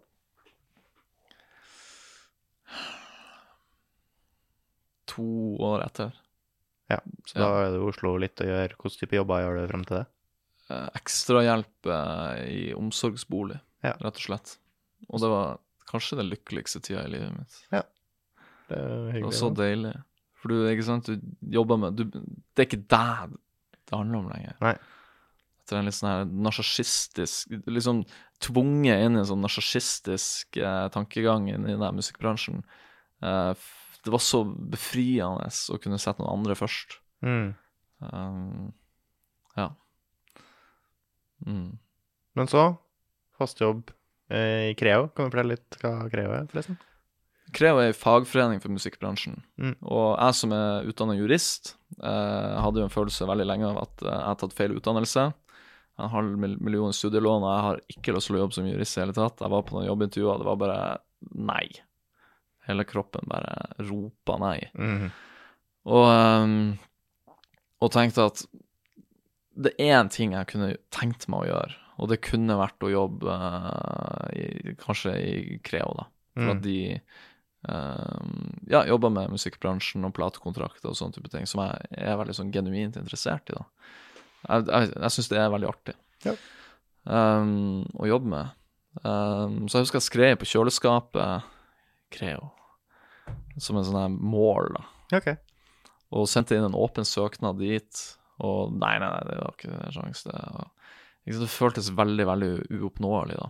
Hm. Der jeg bodde i en sånn her lita leilighet, omsorgs... Ekstraaktiv omsorgsbolig, musikkarriere var over. Um, ikke sant? Men for, fra en som har klart å manifestere en låt på radio fra ingenting, så er Ja. det jo ikke så sykt å se for seg å få seg en jobb i en eh, som jurist når du Nei. er utdannet jurist, er det? Nei, det var jo egentlig ikke det heller. Så, uh, så det gikk jo til slutt, da. Ja. ja. Ja, du klarte å manifestere den her, da. Ja, jeg kom jo inn der òg. Så, så det gikk jo bra, og det, herregud, det er jo noe av det beste som har skjedd i livet mitt. Ja. Det uppa jo gamet veldig, for da Plutselig tjente jeg penger. Det, var, det, var ikke, det krevde ikke for mye av meg heller. Jeg var veldig redd for det, for jeg hadde ekstremt mye angst. Så Mm. det var bare sånn åh, blir jeg klar det her, ikke sant? Mm. Uh, blir, blir nervesystemet og liksom num, numme eh, for mye til at jeg faktisk klarer å gjennomføre det. Mm. Uh, men det gikk fint. Ja. Og eh, etter hvert så har jeg kommet meg inn i det og eh, blitt veldig flink i det jeg driver med. Da. Så um, tjente meg penger, kjøpt meg leilighet, som også hadde vært en veldig sånn skummel ting som jeg trodde jeg aldri skulle få til. Så ikke sant, det er jo Ja. Mm. Det ordna seg. Men satt du igjen med noe mye økonomi fra den lille tida da du på en måte hadde gjennombruddet ditt? En del. Ja. ja. Hadde noe, noe cash. Men det gikk til festing og alkohol? Eh, Nei. fri, frihalvåret? Nei, det, det gjorde ikke nødvendigvis det. Jeg, jeg klarte å spare og holde på en del av det. Um, men når du sier det, så uh, Ja. Så, uh, så Jo, det gikk jo en del. Jeg, jeg for til Sør-Amerika på en enveisbillett en måned alene. Uh, det gjorde jeg. Det var gøy. Um, og så uh, putta jeg penger på noen aksjer. Uh, det ser ut som jeg får de pengene tilbake nå, heldigvis. Um, og um, ikke noe med noe særlig gevinst, men jeg får de tilbake. Mm. Uh, heldigvis. Og, um, og så kjøpte jeg da ei arbeidsbrakke. Okay. Uh, for jeg skulle lage et minihus oppe i Lofoten som jeg skulle leie ut på Airbnb. Det var liksom, det var plan B. Mm. I tilfelle jeg ikke hadde fått den jobben i Krea, så hadde jeg liksom Det var det, det jeg tenkte at kan man skape en passiv inntektskilde der i å leie ut en liten sånn mikrohus i Lofoten, for vi har noe eiendom der, familien. Så jeg gikk på Finn og kjøpte ei arbeidsbrakke til en del penger. Mm. Og fikk den frakta opp til Lofoten og begynte å utbedre den eiendommen der oppe, osv., osv., så Ok. Um, så det jeg gikk en del penger til det. Men hvordan gikk det? Dårlig. Fordi Fordi dette ble jo plutselig litt sånn at familien skulle være litt involvert. Umulig å samarbeide. Um, jeg bare mista all motivasjon. Um, ja. Det bare gikk ikke. Nei. Det bare gikk ikke. Mest fordi at uh, det var utfordrende å samarbeide med familien om et felles prosjekt. Ja, for mange kokker. For mange kopp kokker. Ja, så um, Så det, har, jeg- det gikk egentlig til rett til helvete. Ja. Så jeg mista mye av de pengene der. Nei, fuck det. Ja. Sånn er det. Penger kan man alltid få inn igjen, hvis det er det, ikke sant. Ja. Så har du eh, nå gjort et slags comeback, eller comebacket var i 2022? Ja. Jo, man Eh, kan jo si du kan jo sånn. si at du sikkert begynte i 2021 eller 2020, for, for alt jeg Ja. vet. Uh, Ja, det, det å kalle det comeback er jo litt sånn sykt for meg, egentlig. For det, men, men det er jo riktig, for jeg kan ikke sammenligne det som skjer nå, med det som skjedde da. Nei. Men hadde det vært et ekte comeback, så hadde jeg jo liksom seila rett inn tilbake i det som Der det slutta. Eller der det pika. Der det pika. Ja. Det var det jeg skulle si. Så, men sånn er det jo åpenbart ikke. Nei, Så det var um, ikke like lett. Hva? Det var ikke like lett. Nei, men, men, det er det, men det er jo kanskje egentlig det her Det er jo nå jeg syns det er, er litt artig. Ja. Og nå kjenner jeg eh, at en, en del av den gamle Eller den Bendik som egentlig syntes det her var gøy, begynner å våkne litt til liv igjen. Mm. Begynner å se etter kreative løsninger, begynner å være litt åpen, se etter ting, og, og, og gjøre det fordi at man syns det er gøy. Mm. Fordi at man eh, Fordi at musikkbransjen er en abstrakt greie som endrer seg hele tida, som jeg blir fascinert av. Det eh, det, er det. Ja. Mm. Hva tror du har endra seg i musikkbransjen siden sist? Det er liksom ikke Det er ikke så lenge siden, men likevel noen år, liksom. Det begynner seks, fem-seks år siden. Massiv endring i teknologien, Mm. i sosiale medier, og hvordan effekt den har.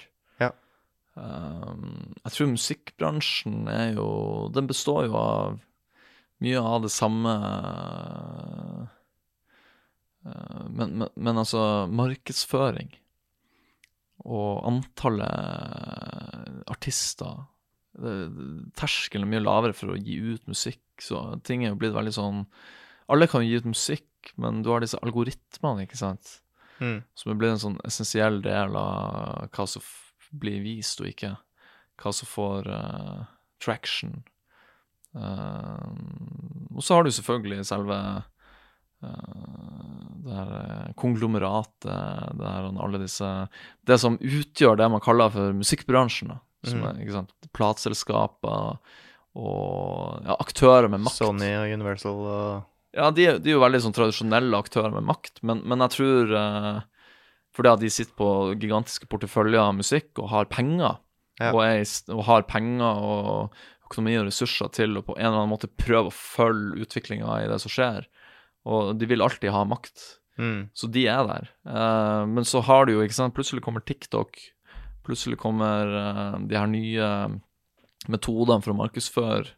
Altså, ikke sant Plutselig er ikke en hel sang kanskje nesten like interessant lenger, men at det skal være på 15 sekunder.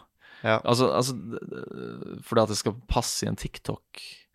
Eh, at Ja, det kan være strategisk med 15 sekunder i låta, fordi det Ja. faktisk er tiltenkt å brukes til TikTok-videoer, liksom. Ja, så må man spørre hva er musikkbransjen Hva er egentlig produktet i dag? Mm. Hva er egentlig produktet? For en ting er liksom En ting er en sang, men en sang er nå også en Hva er en sang når, når folk bare er på TikTok eller Ja. Instagram og ser på reels? Og kanskje ikke hører på en hel sang like mye.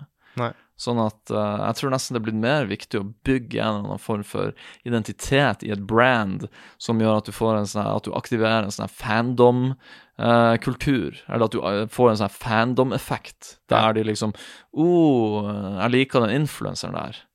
Og så kanskje har den influenseren noen sanger. eh, som du kan på en måte manipulere følgerne dine til å lytte på, da. Musikk har jo alltid blitt sampla. Det har jo liksom sekunder altså La oss si 20 sekunder blir brukt i en stor film, så har jo det Mm. masse å si. Mm. Så det er jo liksom ikke, det er ikke nødvendigvis nytt å bruke små deler av musikken, men hva skal til for å slå gjennom i dag, hvis du på en måte ikke er på et stort label som Eller hvis du ikke får hjelp fra Sony eller Universal, hva, Ja. hva skal til da?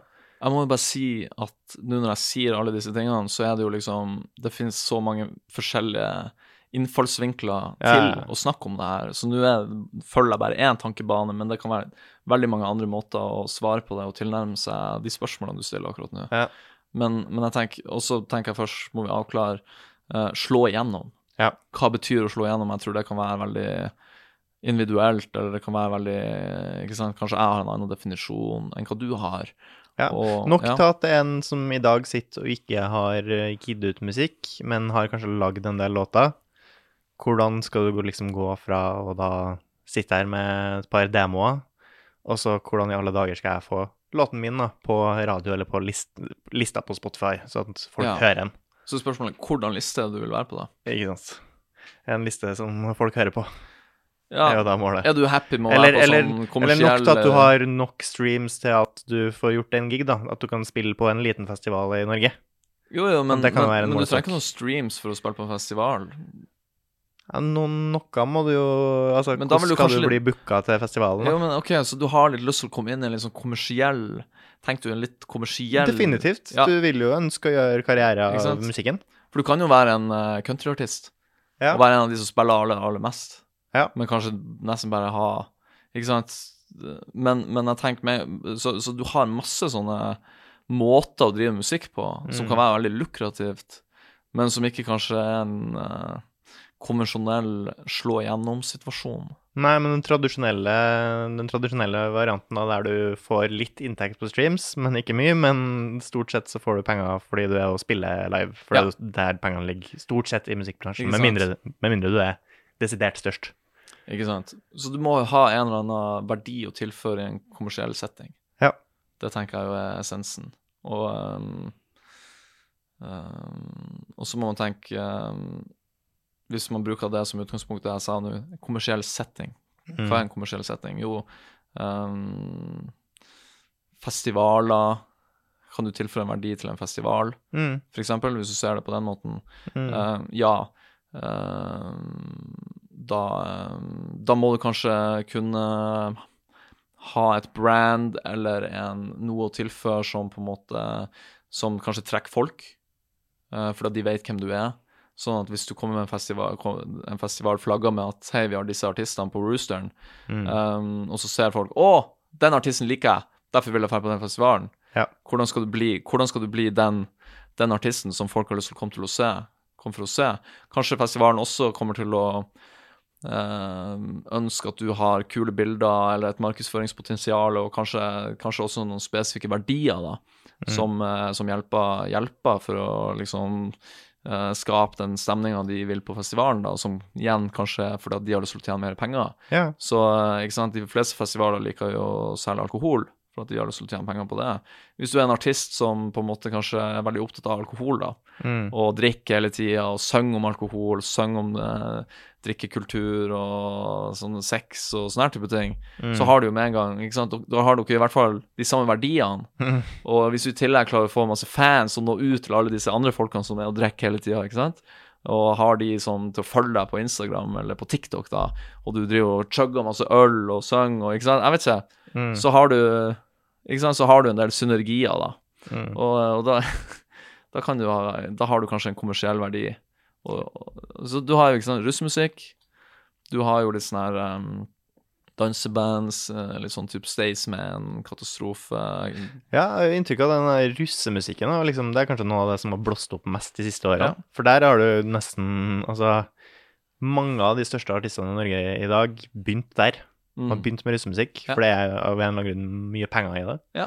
Eh, og så har de på en måte bare klatra opp og egentlig tatt med seg litt av den der russemusikksjangeren inn i Mm. popkulturen. Ja.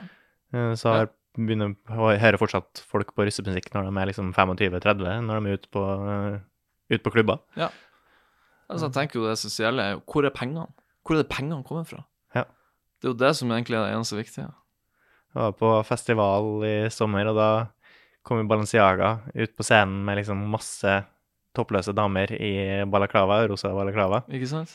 Og, og da i publikum er jo da masse forskjellige typer mennesker, Ja.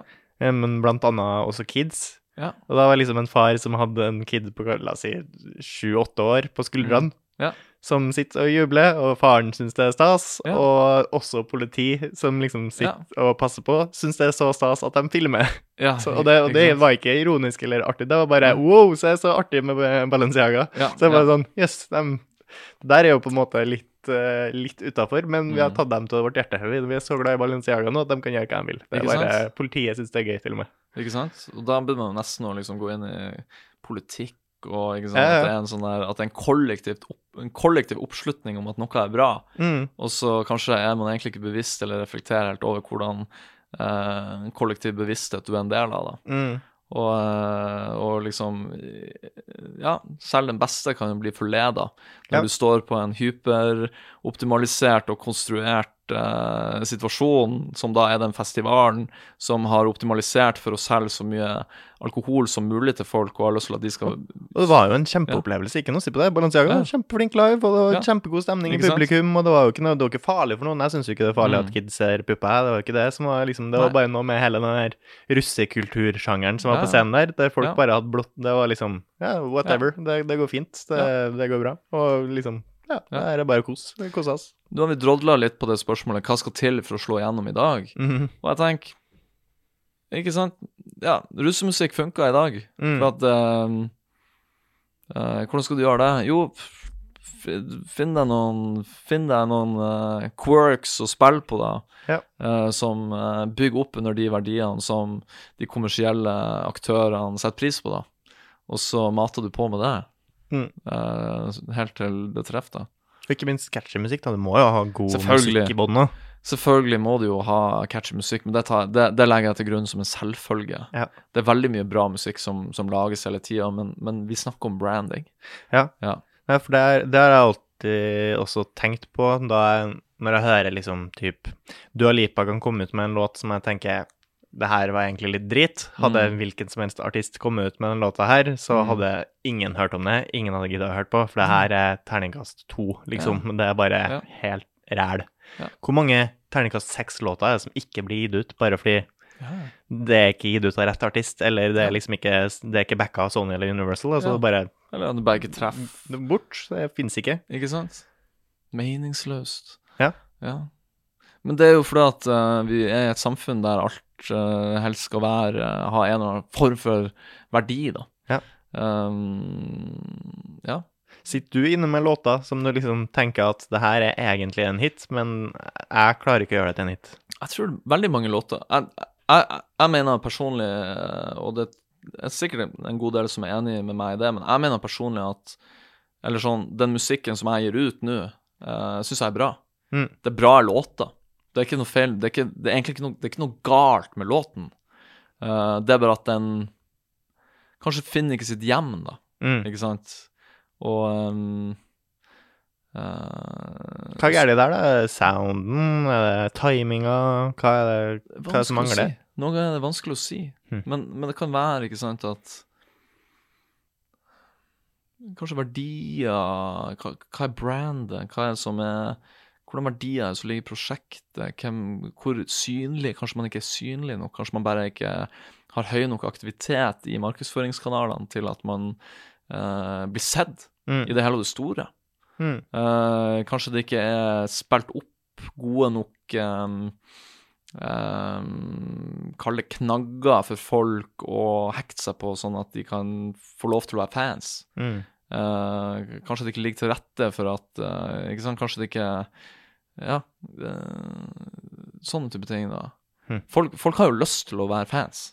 Folk Ja. har jo lyst til å like ting, eller hate ting. Ja. Helt, ikke sant, Samme det. Samme, samme greia, liksom. Nesten. Men uh, de har jo lyst til det, så man må jo på en måte legge til rette for at de skal kunne være det. da. Så det, det, det kan være at jeg ikke er opptatt nok av det i dag. Mm. Um, men jeg er jo i en situasjon der jeg er ganske heldig, der jeg på en måte kan tillate meg å lage musikk og gi ut musikk uten at det ut, utfordrer liksom livet mitt, da. Jeg kan jo leve. Jeg har jo en jobb og penger til å leve for, og trygghet i dag, da. Som Ja. Det er jo positivt, men så kan man også si at det er jo en slags krykke der òg, da. Ja, Det er jo litt der Kanskje hadde det vært bedre for motivasjonen til å lage noe bra at du ikke hadde hatt den tryggheten. Men så er spørsmålet hva er noe bra? Ja. Fordi at um, Hva er noe bra? Ehm, hvis målet kun er å bli anerkjent i en kommersiell setting, Ja. så Og nok man en gang leve tungt på musikken.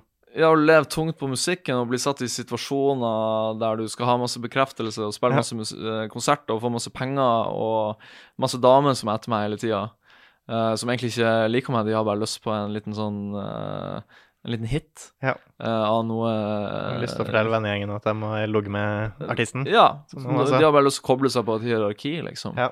Uh, fordi at de er usikre på seg sjøl. Så, eller Ja, det, det tenker jeg blir en helt annen debatt, hvorfor de dynamikkene er sånn. Mm. Men um, uh, ja, da kan man konstruere noe. Da kan du konstruere noe.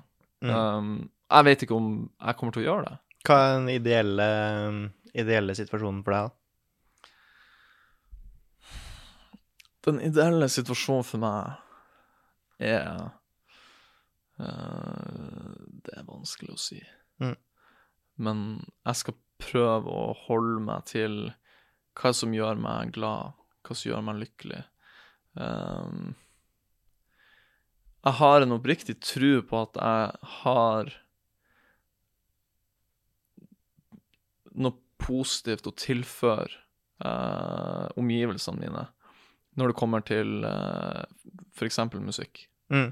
Um, det har jeg Jeg tror at jeg kan Jeg vet at jeg kan bevege, og jeg vet at jeg kan stå for positive ting og, og berøre og til, gi en verdi med talentet mitt. Det vet jeg. Um, så det må jo på en måte være altså, så, så jeg blir jo takknemlig hvis jeg blir satt i situasjoner der eh, jeg kan kultivere det her og, og, og la det Og gi tilbake på en eller annen Mm. måte. Um, og så er det jo bare en bonus hvis det, hvis det kommer tilbake til meg på en eller annen måte. Um, men jeg gjør ikke det her lenger for et sånn ego, tror jeg i hvert fall. Um, det er mer Jeg syns det er gøy. Jeg syns det er gøy, og jeg syns det er fint hvis jeg kan Ja, hvis noen hører på, på låta og sier Hei, den der jeg, Det var en fin låt. Jeg, jeg likte den. Det ga meg noe. Det, det fikk meg til å tenke litt. Det fikk meg til å stille litt spørsmål med ting. Og kanskje Ja. Kanskje man kan påvirke til noe godt, da. At det blir noen ringvirkninger av det man gjør, som kan påvirke på noe, en god måte Mm. heller enn at det kun handler om meg, og at jeg skal lure system og konstruere noe for at jeg skal få mer penger, jeg skal få mer dame, jeg skal få mer bekreftelse, og alle de som er ubevisst uh, kobla på et sånn eh, imaginært hierarki, eh, skal på At jeg skal ha en posisjon i det, og kunne Ja. utnytte andre mennesker, på en måte, som, som jeg tenker er en stor del av det vi er en del av. Men, men ikke sant? Eh, jeg vet ikke om det er det jeg vil. Nei. Men hvis det skjer, og hvis jeg blir plassert på det hierarkiet, så skal jeg gjøre mitt aller, aller beste for å forvalte på en god måte. Ja. Ja. Hvordan ser du på det å gå tilbake til det og gjøre konserter og sånn igjen? Jeg tror jeg Jeg, Jeg er klar. Mm. Jeg, kan, jeg kan gjøre det. Og um, jeg er villig til å, til å gjøre det, men, men det hadde jo vært Hvis jeg skal se for meg et sånn ønskescenario ehm, Så vil det jo helst være å kunne spille for mennesker som er interessert i å føle, og interessert i å um, kanskje har tid til å ta inn over seg kunst og musikk, og har tid til å ta inn over seg uh, seg sjøl og eh, vekst, da, på en måte. Um, nå har jeg spilt på veldig mange eventer der det er liksom mye festing og alkohol og uh, Ja, litt sånn ubevisst um, sånn vi nordmenn foretrekker å nyte musikk, da. Det er jo, Ja, det er jo det. i festlig lag med noen enheter innebords. Ikke sant? Det er jo da vi Um, klarer å senke skuldrene nok til å liksom høre på musikk. Og... Mm. Ja, jeg bare er litt sånn Jeg blir jo litt betenkt, da. Ja. På hva liksom formålet er. Ja.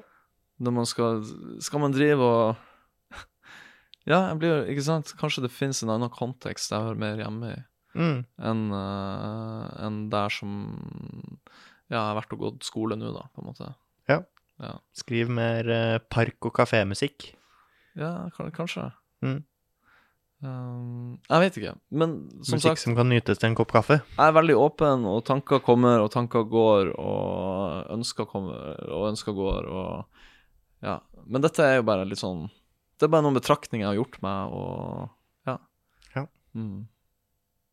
Bendik, vi ble kjent eh, Du er på en måte en av mine få venner som jeg har fått i voksen alder. Eh, de fleste vennene mine er liksom folk jeg kjenner fra studietida eller videregående eller ungdomsskolen eller barneskolen, for den saks skyld. Mm. Der møtte jeg på en uh, fotballtrening uh, med liksom venner av venner uh, som endte opp der. Og så Mm. bare Jeg tror vi bare begynte å prate litt underveis. Vi spilte på hvert vårt lag, tror jeg. Mm. eh, Jeg skal tenke mot inn hverandre. at det er han Kolarov, tenkte jeg. Der, ja, Kolarov. Ja. Spilt eh, back, Back. men skøyt mye. ja. Ja. Men det er jo fordi du ikke klarer det er litt vanskelig å føre ballen, kanskje, av og til. Det Det enkleste for meg Pragmatisk eh, med min dårlige touch er egentlig å skyte så fort som mulig. Eller løp. Ja. Ja.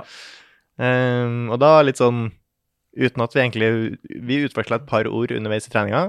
eh, Og så etterpå så bare merka vi at vi hadde på en måte Ja, vi har en slags connection. Det her var hyggelig. Eh, Så spurte, tror jeg vi spurte er vi venner nå. ja. Ja. Jeg husker det. Det er vi. Ja, vi var det. Eh, og det er liksom En ting som er veldig fint med deg, er den der utadvendtheten din, som jeg er ja, litt misunnelig på, går det an å si. Ja. Du er veldig flink på å være åpen i sosiale settinger. Mm. Nesten uansett, hvis jeg går på en butikk med deg, så prater du alltid med den som sitter i kassa, dem som jobber der. Du er veldig lett å begynne å prate med. Mm. Helt og det gjør på en måte Det er veldig lite som skal til, men du gjør det stort sett alltid hvis du er i godt humør. Og da er liksom bare Ja, å, det var, nå ble det en hendelse at vi var på butikken. Det var ikke bare du gikk for å handle, men nå fikk du Mm. også prata. Det ble en litt gøy setting. Hva, hva er det som har gjort deg Hva som har gitt deg den egenskapen, tror du?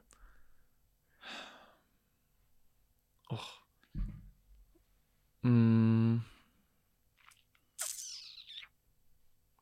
Først vil jeg bare si jeg er veldig takknemlig for uh, det vi har utvikla i lag av vennskap. Ja, hyggelig, hyggelig sagt. Ja, veldig fint. Det er veldig fint. Um, jo, jeg tror Jeg kommer fra en liten plass oppe i Lofoten og uh, har en spesiell familie. Uh, mamma kommer fra ei sekt. Masse søsken. Masse rare folk. Pappa er en rar fyr, har masse rare venner. Vi har bodd litt utafor Kabelvåg, og jeg har liksom alltid vært Måtte ta bussen inn til Kabelvåg og vært litt utafor. Og så kom han til Svolvær, skulle gå på videregående der, og ehm, jeg Og jeg, jeg kjente veldig tidlig og veldig ung at jeg husker, jeg husker særlig en hendelse. Jeg hadde en kompis um, på, på barneskolen som jeg var, var så utrolig glad i. Um, og han var litt sånn litt chubby. Jeg hang ofte med ra... Jeg, jeg liker å henge med raringer. Takk. Ja, ja, ja, ja, men det er Og det er du. Men jeg liker raringer. Kanskje fordi jeg er det sjøl. Men eh, Og jeg husker det var liksom Og så var det to jenter som var litt sånn De likte meg, da. Og så sa de Kan ikke du henge med oss i kveld med den raringen der? Og, og jeg husker det der øyeblikket der at jeg liksom Hvorfor sier de noe sånn om vennen min? Han er jo den kuleste i hele verden. Mm. Hvorfor sier de det? Hvorfor er han rar? Han er, ikke sant? Og, um, og da valgte jeg jo selvfølgelig han. Mm. Um, og jeg tror det er liksom Det har bare alltid vært sånn at jeg, jeg, jeg ser på folk for det de er. Uh, selv om du sitter på kassa på Kiwi eller Rema, så er du jo en person. Og det er jo spennende. Det er jo artig. Hvem er, denne, hvem er dette mennesket? Det, det gir meg en eller annen slags Det gir meg en sånn verdi når de på en måte eh, forstår at jeg ser at de er mer enn det konteksten tilsier, eller det at de er på jobb, eller du er Ikke sant. Du er masse eh, utlendinger som kjører taxier eller Uber, eller det er liksom folk som ser annerledes ut, eller ser rar ut, og har dårlig selvtillit for det, fordi at folk For at det er sånne verdier i samfunnet som er folk er veldig blinde på, da. Mm. Og at det Altså at uh, er sånne overfladiske verdier, da. Og jeg elsker å se forbi de. Mm. Uh, det er så deilig å kunne se et menneske eh, bare i sånn rein At du har like mye verdi Mm. som meg, selv om du er annerledes. Eller selv om du er der. Eh, Eller sånn Jeg elsker å vekke folk fra den der At de kanskje tenker at jeg er den rolla her, derfor er jeg sånn, og du er den rolla der. Så du Ikke sant? Jeg elsker å, å, å hoppe forbi det der. Ja. Ja. Det elsker jeg. Hm. Ja. Ja, det er artig. Jeg, bruker ofte eh, Jeg bruker deg som eksempel på noen som er positivt utadvendt. Ja. Det, liksom, det, det smitter over på andre. Det har liksom, som du sier eh, Hvis du er engasjert eller entusiastisk over noe, så er jo det veldig smittende, men det er jo sånn gjelder det jo for alle. Folk som Mm. er engasjert og entusiastisk, det er ekstremt smittende og en Mm. utrolig god egenskap. For det er liksom Hvis du ikke er engasjert eller entusiastisk, hvorfor skal jeg være med på ditt lag da? Jeg, jeg vil ikke være med og gjøre ting med deg da. Du Ja. må jo være, må være positiv, eller eh, ja, i hvert fall eh, prøv å engasjere andre, da. Mm. Hm. Livsgnist. Ja, livsgnist. Det, det er det. det det. men sånn har jeg alltid vært. Ja. Glad i lev. Glad i å leve. Hm. Glad i å utforske ting. Ja. Eh, glad i å utforske ting selv om det ikke har en konvensjonell verdi. Eh, bare det å eh, Jeg gjorde noe veldig artig i dag, eksempel. Noe som jeg ser på som um, noe en, en vanvittig gave som har en større verdi enn alt annet. Mm. Det var at i dag hadde jeg to-tre timer med bare tid. Mhm. Og jeg bare inviterte en fyr jeg ikke kjenner, uh, som jeg vet er en veldig flink gitarist, til å komme på besøk til meg. Vi har aldri sett hverandre før. Vi har blitt linka av en kompis. Jeg visste han var veldig flink til å spille gitar. Og um, han har tid, og jeg har tid. Vi møtes. Vi vet ikke hva vi skal gjøre. Vi vet ikke hva som skal komme ut av det. Det er bare et møte Mm. um, der det ikke er noe Det er ikke noe formål. Vi skal bare henge. Mm. Og vi gjorde det, og det var helt fantastisk. Og han kommer, og vi blir litt kjent. Vi finner ut hvordan, hva den andre er. Og eh, vi har god kjemi, og vi setter oss ned og begynner å spille gitar i lag. Og bare Tid er ikke viktig. Det er ikke Nei. noe det er bare 'Å ja, du spiller Å, kult, det der var artig. Ok, hva syns du om den sangen her, da?' Å ja. Så jeg, jeg bare lista han alle prosjektene jeg har, og så videre, og så videre. Og han digga de tingene jeg gjør, og jeg digga de tingene han gjør. Um, så nå er vi jo Så når han gikk derfra, så har vi nå har vi en deal på at um, Han er gitarlærer og veldig godt utdanna gitarlærer. Mm. Gått på konservatoriet og alt mulig. Så han skal være min gitarlærer. Og så skal jeg være hans PT. OK. Du er jo min PT, da. Ja. Men uh, du har gjort en så god jobb at, Du uh, kan uh, at, at videreformidle du det til ville ha, han at jeg skulle være Ja. det. Det er bra. Og så skal vi i tillegg lage spille gjennom alle sangene mine, Mm. og lage en Utforsk det med litt sånn kule ting, tracks litt annet. Vi skal bare være kreative på hvordan vi skal fremføre sangene mine, og så skal vi lage sangbok Ja. av alle sangene mine. Merch Ja. til prosjektet. Så jeg skal lage Kajander songbook, Ja. med liksom, så vi kan selge som merch, da. Så det skal vi gjøre nå. Artig. Jeg vet ikke. Det, alt det her kom ut av ingenting. Ja. Så kunne man tenkt, man kunne jo liksom konstruert at disse tingene skulle skje i forkant, men da ville det ikke vært naturlig. Mm. Er du alltid utadvendt, eller blir du også sliten? For folk prater om ekstrovert, introvert, og liksom setter veldig sånn kategorier på det, og folk eh, Folk flest som kanskje ikke kjenner meg dritgodt, syns jo at jeg er ekstremt unorsk og utadvendt. Mm. Men jeg syns jo det blekner da, i forhold til deg, eksempel, eh, på utadvendthet. Og jeg kan være sånn Jeg er litt påtatt utadvendt, fordi jeg Mm. vet at det er hyggelig. Ja, sant. Ja. Eh, Jeg vet at det er positivt å være entusiastisk og engasjert og, og positiv, selv om jeg kanskje innerst inn egentlig er litt pessimistisk og negativ. Ja. Så prøver jeg å over, altså overvinne meg sjøl der ved Ja, å være hyggeligere enn jeg egentlig trenger å være. Ved å være mer utadvendt enn jeg trenger å være. Det er litt kjedelig, da. Ja, men igjen, du får ganske mye igjen for det. Ja. Så jeg blir jo som regel alltid Jeg får jo veldig sånn positiv tilbakemelding på det i form av at folk blir jo glad av at jeg er mer hyggelig og utadvendt. Men, Men jeg, blir, jeg, blir sliten, jeg blir sliten av det. Jo, for jeg blir jo glad av at andre blir glad.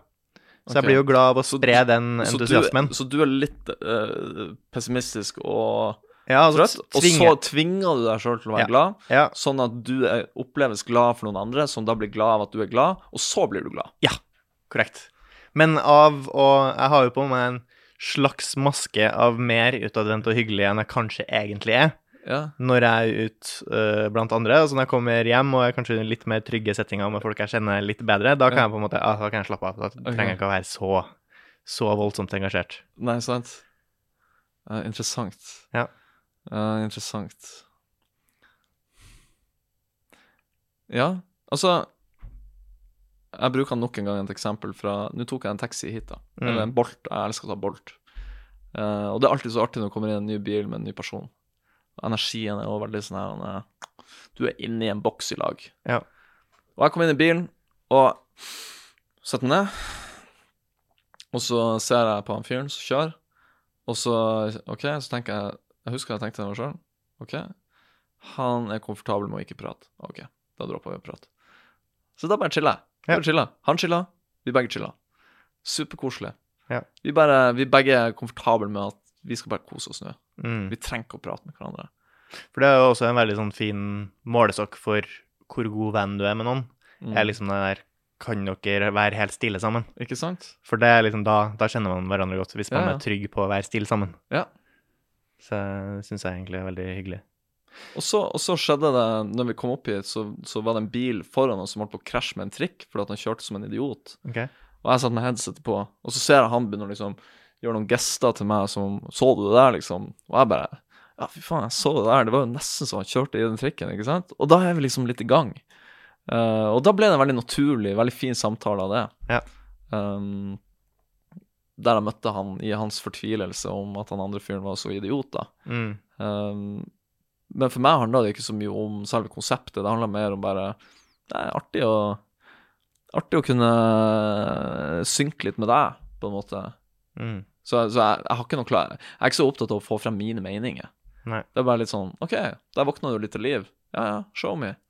Og så sitter han bare og fyrer litt på bålet, og så Bare for jeg, jeg vet ikke, jeg syns bare det er artig. Ja. Jeg koser meg med det. Nei, det er jo hyggelig å høre at det er mer naturlig for din del. Men um, OK. Nå har vi prata mye om musikk. Hva, hva annet det som angår uh, Altså angår, hva det annet som interesserer Kayander? Så hvem er Kayander? Bendik. Bendik Kayander. Bendik Det er Kayander? deg. Ja. Meg? Ja. OK. Um, med tanke på musikk? Nei, utover musikk, da. Utover musikk Åh, jeg vet ikke. Tror du det er noen som blir å se den podkasten her? Ja. Ja? Ja, det tror jeg. ja. Um, jeg vet ikke. Det må jo ha kommet frem at jeg kanskje er litt sånn her um, At jeg, jeg er jo nysgjerrig på mm. livet og eksistensen og uh, min egen opplevelse av å eksistere. Det syns jeg Så jeg er jo kanskje litt sånn filosofisk, eller jeg er jo kanskje litt uh, Ja, mm, kall det, kall det hva du vil. Spirituell. Mm. Um, men jeg har ikke noen sånn konstruert identitet i det, føler jeg, men jeg bare er nysgjerrig på å forstå ting. Og jeg liker å slippe meg løs i resonnementer Mm. av hva er der. Mm. Så, så jeg er jo liksom Jeg syns det er artig å leve. Jeg pleier jo, eh, hvis jeg skal baksnakke deg, så pleier jeg å si han sier energi mye. Men Ja. han har også ganske god energi, så det er på en måte det, Han har lov. Jeg har legitimert det, Ja, på en måte. det. Ja. Ja. ja, hva er energi? Nei, hva er energi? Ja. Hvis du spør meg, spør jeg deg. Sant? Ja. Uh, hva er energi? For din del så er jo den der smittende entusiasmen, da. Mm.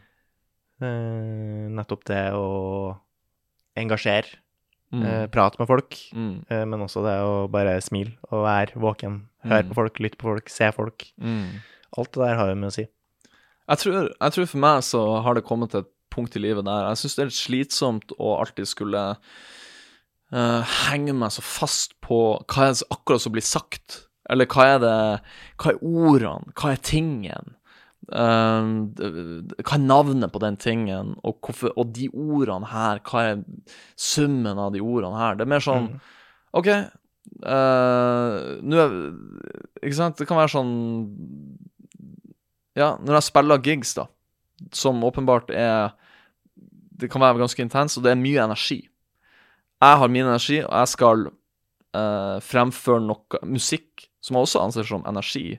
Det er en streng som er stramma på en spesiell måte, som gjør at når du bruker din energi til å dytte på den med en viss kraft, så kommer det én lyd, og så er det en annen streng som er stemt på en annen måte, så kommer det en annen lyd når du dytter med samme krafta på den.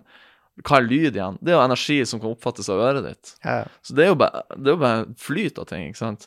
Så jeg kommer og skal bruke min energi, og, og den energien har jeg kanskje fått fra mat igjen, ikke sant. Så det er jo, det er jo bare energi. ja, altså Hvis du vil se på fysikken på det, så, Ja. så er du ikke langt unna sannheten. Ikke sant? Nei. Og så har du alle de andre menneskene som har egentlig samme opplevelsen, som er òg en sånn energiball, Ja. som skal komme dit inn, og så skal de eh, oppleve den energien som jeg gir, Mm. eh, og på en eller annen måte ta den innover seg, eh, og stå der, og, ikke sant? Så, så enten så kan man se på det veldig sånn konstruert, at dette er en gitar, dette er Bendik, dette er den sangen, dette er den personen, ikke sant? Eller så kan du bare se på det som at jeg kommer inn der, jeg gjør noe i, i min flyt, Mm. eh, og så um, og så er det et crowd. Det er bare mennesker som har en eller annen form for Og det kan jeg kjenne på. Da kan jeg kjenne sånn Er det her Hva er det, det, hva er det publikummet her, for eksempel? Hva er de Hva, hva er det de Ja, er det folk som avbryter? Er det folk som ikke følger med? Er det folk som snakker med hverandre? Ikke sant? Er det noe jeg kan gjøre for å for å si OK, kan, kan jeg fange litt mer oppmerksomhet? Nei. Kan man Mm. gjøre dette til en god stund? Kan, kan man skape en slags harmoni? Hva er formålet med at vi er her? Mm. Det Ja. Det er litt sånn Det å zoome ut og, og anse ting mer sånn overordna som hva er energien i det her, mer enn det er den tingen. Mm. Ga det mening? Litt.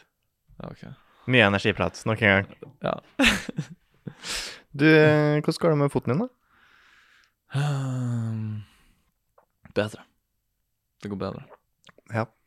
Jeg vet jo at du har skada foten din. Eh, Hva er det som skjedde med den? Um, jeg skata. Ja. Så jeg har vært masse i skateparken i sommer. Mhm. Um, så der har jeg jo um, fått meg nye venner. Og den eh, lå jo rett med huset mitt, der jeg bor. Og eh, Så jeg skjønte jo at når jeg ikke har noe å gjøre, så kan jeg dra ut og skate. Ja. Så jeg kjøpte meg skateboard. Gikk på uh, Hva det for noe? Sense Nei, et eller annet. De har sånn skatebutikk. Ja. Og så kjøpte jeg skateboard. Begynte å fære dit. Skata hver dag, tre-fire timer om dagen. Begynte å bli ganske bra på det. Og så eh, var det en dag der det var skikkelig god stemning i skateparken. Og ehm, jeg ble til og med sjekka opp av sånn skatejente. For at jeg var blitt så god å skate. Er ikke det sykt? Ja. Etter to uker, liksom. Viser det at du har talent for skating, da? åpenbart? Jeg har det! Ja. Det er det som er sykt. Jeg har et skatetalent. Ja. Synd at du ikke oppdaga det før en alder av 31. Jeg syns det er egentlig helt OK, for da har jeg sikkert drept meg sjøl. Ja. så uh, jeg er ferdig å skate nå. Det Ja. talentet, det får ligge i den boksen. ok. Så det um, Så jeg skulle opp på rail, dette ned, og så poppa kneet mitt uh, i feil retning, da. Ja. Så um, slet jeg alt mulig inni der. Ja. Så alvorlig skade. Hva er det som skjedde? Uh, jeg slet av korsbåndet. Ok. Fremre korsbånd og uh, begge leddbåndene på sida av kneet, Mm. og skade på menisken. Det er det jeg vet så langt. Ja. Så gått litt med stokk i det siste? På noe stokk. Ja. Krykke er jo uh, stakkarslig, så da opererer jeg meg til stokk. Ja. Så jeg har en veldig god kompis uh, som bor hos meg, som hadde kjøpt meg stokk, da. Så, eh, så Du må er fint. fortelle, fortelle historien med de jentene som du møtte på fest med stokk. Å, herregud, skal jeg fortelle en historie? Er det lov? Ja, det syns jeg. Huh. Ja. Så jeg er på en fest, en teknofest, i en bursdag, og um, har uh, stokken med meg, fordi jeg får vondt i foten av å stå for lenge på den.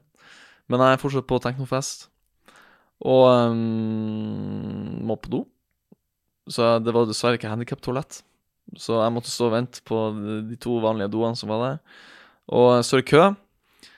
Og så um, kommer det Men jeg, jeg vet ikke om jeg fortalte deg det, men det kommer ei jente, da, Mm. og uh, så får vi litt god kjemi. Så endte det opp med at vi klina litt. Mm. Ehm, så akkurat i det Så jeg står i kø, men så står jeg og kliner litt med hun jenta, da. Mhm. Og så kommer det tre andre jenter. Uh, og de får jo akkurat med seg at jeg kyssa litt med hun dama, da. mm -hmm. uh, Men hun drar jo, for jeg sier jeg, skal på do nå. Um, så hun dro. Men da tok de det som en liten sånn åpning på at de skulle gå foran meg i køen. Mhm. Ikke sant? Men hun dro jo. Så da står vi der plutselig. De tre har bølla i køen, og jeg står med stokken og eh, må si til dem da at dere, det er kø her. Og jeg står i kø og venter, og Mm. jeg skal på do etterpå. De over, overhører meg først, later som de ikke hører meg. Ja. Og så var det vel jeg som sa sånn Men du står og kliner med ei dame, så hvorfor skal du få lov til å Ikke sant? Du var jo opptatt, eller et eller annet. Så sier jeg nei, men jeg står fortsatt i kø. Og jeg skal inn der, og jeg var ikke interessert i å liksom la det her slippe, da. Mhm. For du Ja. var veldig tissende. Ja, jeg måtte jeg måtte jo tisse. Jeg sto der for en grunn. Jeg hadde stått og venta lenge. Ja. Um, og så kommer vedkommende som er på do, ut, um, og jeg begynner å gå for å gå inn der. Begynner å gå forbi de med stokken, ikke sant. Jeg er blitt bedre nå, så jeg går uten stokk nå, bare så det er sagt. Men, uh, men, men da hadde jeg den stokken, og jeg gikk og lente meg på stokken. Og så tar hun ene dama og spenner i stokken min. Nok til at du faller over, eller? Nei, heldigvis nei. ikke. Hun bare spenner i den. Okay. Mer som en sånn En slags uh, kommunikasjon på et eller annet. Ja. Uh, må sies at de var, de var jo full Jo, jo.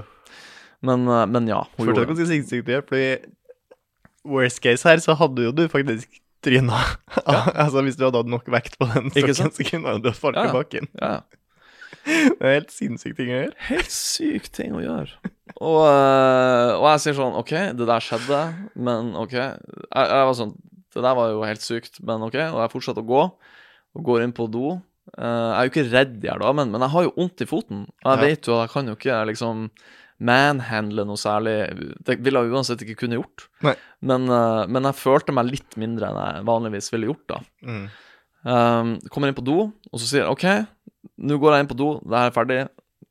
Og, så, og i det jeg liksom, liksom sier Nå er det over, det her.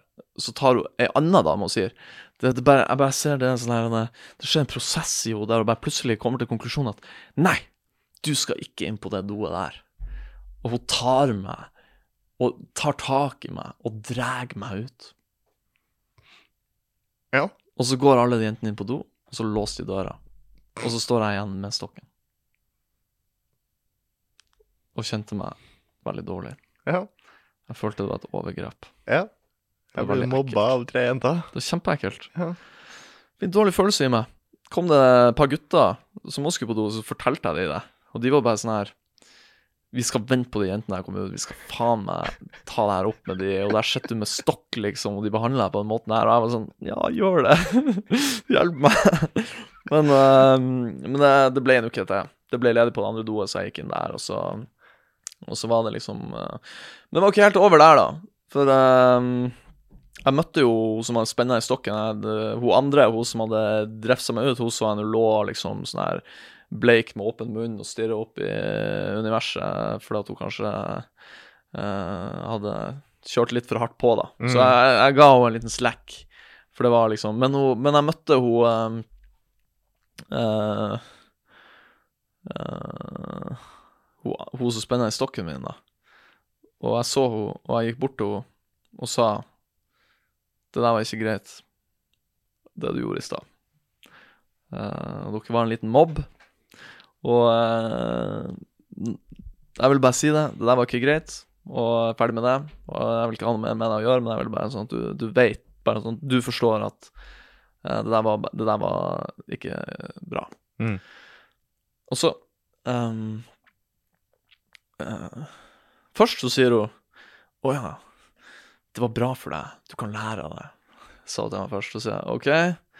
Nei, men da avslutter vi bare samtalen. Jeg hadde sagt mitt. Og så skjønte hun at jeg ikke var med på det. Så kom hun sprengende etter meg, og så sier hun um, Å, herregud, nå innser jeg hva jeg har gjort. Det der var jo helt forferdelig. Å, jeg begynner å skrike. Jeg begynner å skrike. Og så begynte hun liksom å gråte litt, da.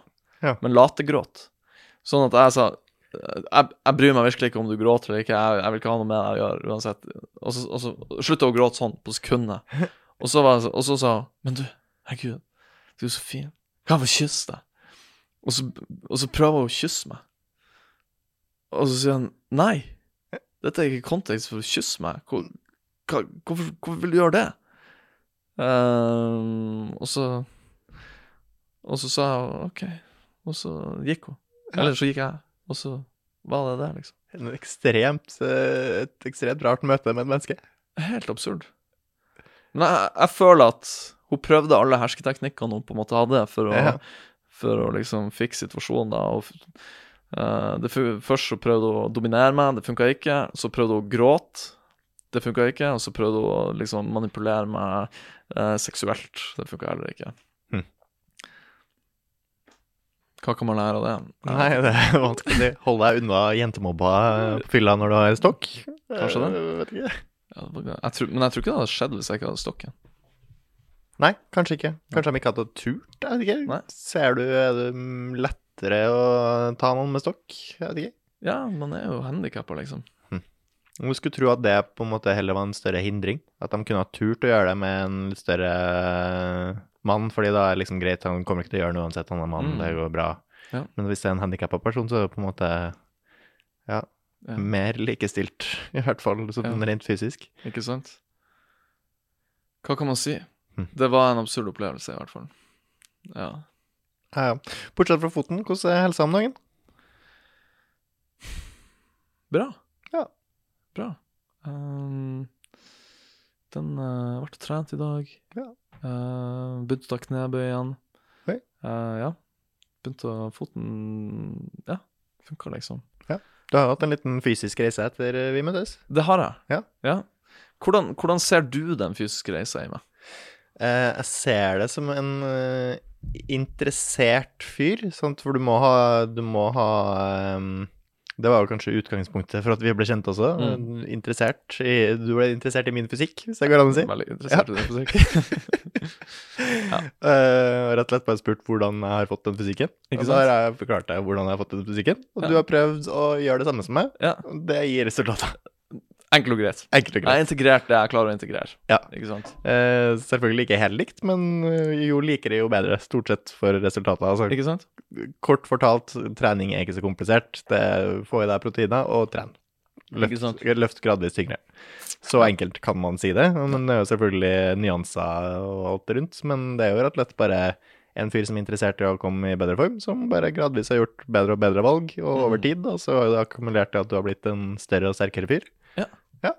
Ja, for det, det opplever Du ser det på en måte estetisk at det har skjedd endringer. Ja, men det har jo skjedd litt. såpass gradvis. Ja. Så det, for meg er det nok vanskelig å se. Jeg tror det er Mm. lettere for folk som ikke har sett deg på en stund. ja. Mm. Eh, Jeg syns også det er ganske vanskelig å se egen endring på eh, liksom Mm. fysikk, eh, for det skjer jo så gradvis. Mm. Men du er jo en annen fyr enn da jeg møtte. Det ser jeg jo. Mm. Ja, det har skjedd store forandringer, vil jeg si, Ja. med kroppen, ja. Um, jo, nei, jeg var jo helt uh, på villfare. Eller ikke helt Men jeg har jo alltid vært veldig interessert i trening og kosthold og sånt, men jeg har ikke liksom Jeg skjønte det ikke helt. Nei. Jeg fikk det ikke til å stemme. Jeg har trent for mye etter tider og ikke fått i meg nok næring. Jeg har spist prosessert mat og trodd at det var mat. Ja. Og um, Nei, det, altså alt endra seg når jeg bare forsto at eh, det må eh, Kvalitet på næringa, og at liksom begynte å være litt mer mindful på hva er faktisk jeg gjør med kroppen min når jeg trener. Ja. um, har gitt store resultater, da. Mm. Um, men, men bare det å få i seg nok, uh, nok ordentlig næring, da. Hva syns du har vært vanskeligst? Spise nok Ja. ja, av det som er bra. Ja Og mindre av det som er dårlig? Ja. Eller jeg syns det Jeg syns egentlig ikke det Det er blitt en livsstil nå. Ja. Jeg syns ikke det er vanskelig. Mm, men um, jeg syns bare det er deilig. Jeg blir Mm. glad av å gjøre det jeg opplever som de rette tingene. Men uh, det er vanskelig å kanskje Det jeg syns er vanskelig, som kanskje har litt sånn flytende tilnærming til, eh, til livet og til planer og til tid, Uh, er det å kanskje si set, Være liksom klar på hva er målet mitt, og uh, gjøre den, de tingene som kreves for å nå det målet. Mm. Uh, som for eksempel Så jeg tror nok jeg har en liksom tanke om at jeg gjerne skulle kanskje hatt Jeg har lyst til å bygge litt mer muskler, men jeg klarer ikke over tid å spise nok, for eksempel. Mm. Eller trene på den riktige måten som jeg burde gjøre det. Men, men jeg tror jeg føler jeg har funnet en veldig bra sånn default ground for uh, å ha en, den kroppen jeg har nå, da. Som Mm. jeg føler er ganske lett å maintain, på en måte. Så, så det er jo det er positivt. Men jeg har jo lyst til å levele litt opp, da. Ja. Kan alltids bli litt større eller litt mer buff. Ikke sant? Ja. ja. Men det er jo det som gjør det artig, da. For å runde av litt, så har jeg lyst til å ta noen sånne eh, generelle spørsmål. Eh, blant annet hva gjør du når du er overvelda eller stressa eller ufokusert? Har du noen Mm. tips? Det er et fint spørsmål. Hmm. Hva gjør jeg når jeg er overvelda stressa? Det kommer jo litt an på hvor jeg er, Mm. eh, og tid jeg identifiserer at det er en følelse jeg faktisk har. Um, hvis det er um, Hvis jeg ikke identifiserer følelsen, så er jeg jo reaktiv. Mm. Um, så da vil jeg jo gjøre ting som jeg kanskje egentlig ikke ville gjort. Kanskje tar en snus, eller kanskje eh, går en plass, eller kanskje Ikke sant? Men, um, men hvis jeg identifiserer følelsen og sier OK, nå er jeg overvelda, um, da vil jeg jo gjerne håndtere det på en eller annen måte. Så det vil jo være kanskje bruke et eller annet verktøy eller en teknikk eller noe sånt for å koble tilbake og kjenne på, kjenne på at jeg er trygg. Det kan Mm. være en sånn kombo av Hvis jeg er i en kaotisk situasjon, så vil det jo være å, å koble tilbake inn i kroppen og kjenne på det at dette bare er en Det, det er, har bare en menneskelig opplevelse akkurat nå. Det er ingen mening eh, med det her eller ikke, ikke sant. Det er bare Jeg er her, og that's it. Og jeg kan, jeg kan dra hvis jeg vil, eller uh, sånt, da. Mm. Um, men uh, herregud, man har jo masse verktøy. Pusteteknikker, kaldt vann, trening, alenetid, um, yoga nidra, Mm. um, meditasjon. Visse andre ting som man kan bruke til å nudge seg sjøl. Ja. Mm. Hva, hvilke råd ville du ha gitt til 20 år gamle Kayander hvis du hadde møtt den i dag? 20 år gamle Kayander Det er et nesten umulig spørsmål, på en måte. Fordi jeg er jo glad for at jeg ble den jeg er. Så hvis jeg gir han råd, så vil han jo bli noe annet enn det jeg er. Ikke sant? Så hvis du hadde møtt jo- en, en, en som ligner, da, men som ikke, ikke er 20 år gammel Kayander, men hvilke råd ville du gitt en 20-åring i dag? I en litt lignende situasjon? Sånn som jeg kjenner meg sjøl, så eh, i en litt lignende situasjon, så vil jeg nok um, ha eh, bedt han om å være lur og kanskje lære deg eh, programmering, sånn at du kan lett få deg en jobb, sånn at du kan jobbe remote. Og så stikker du av i noen år. Helt til du får liksom kommet deg helt unna alt av familiedynamikker og eh, usunne venner og alt mulig, og bare koble helt av, komme deg litt ut av Norge og oppleve og finne ut mer om hvem du er, Mm. på ekte. Eh, og, og ja. Men utnytt det Norge har å by på, da. Så få deg en jobb som programmerer i et norsk selskap, og sitt og så bare ja, healer du deg sjøl. Hvor skal du sitte og hile? Det har ikke så mye å si. Nei. Nei. Men kom seg ut av norsk kultur. Ja. ja. Smak litt på utlandet. Ja Det betyr ikke at du ikke skal komme tilbake, men bare forstå at det finnes noe annet. Tusen takk for at du kom, eh, Kander. Takk uh, sjøl, Sebastian. Det Hyggelig. er første podkasten jeg er med på. Er det? Eh, ja. Ja, det blir ikke den siste. Nei, det håper jeg ikke. Nei. Takk for meg.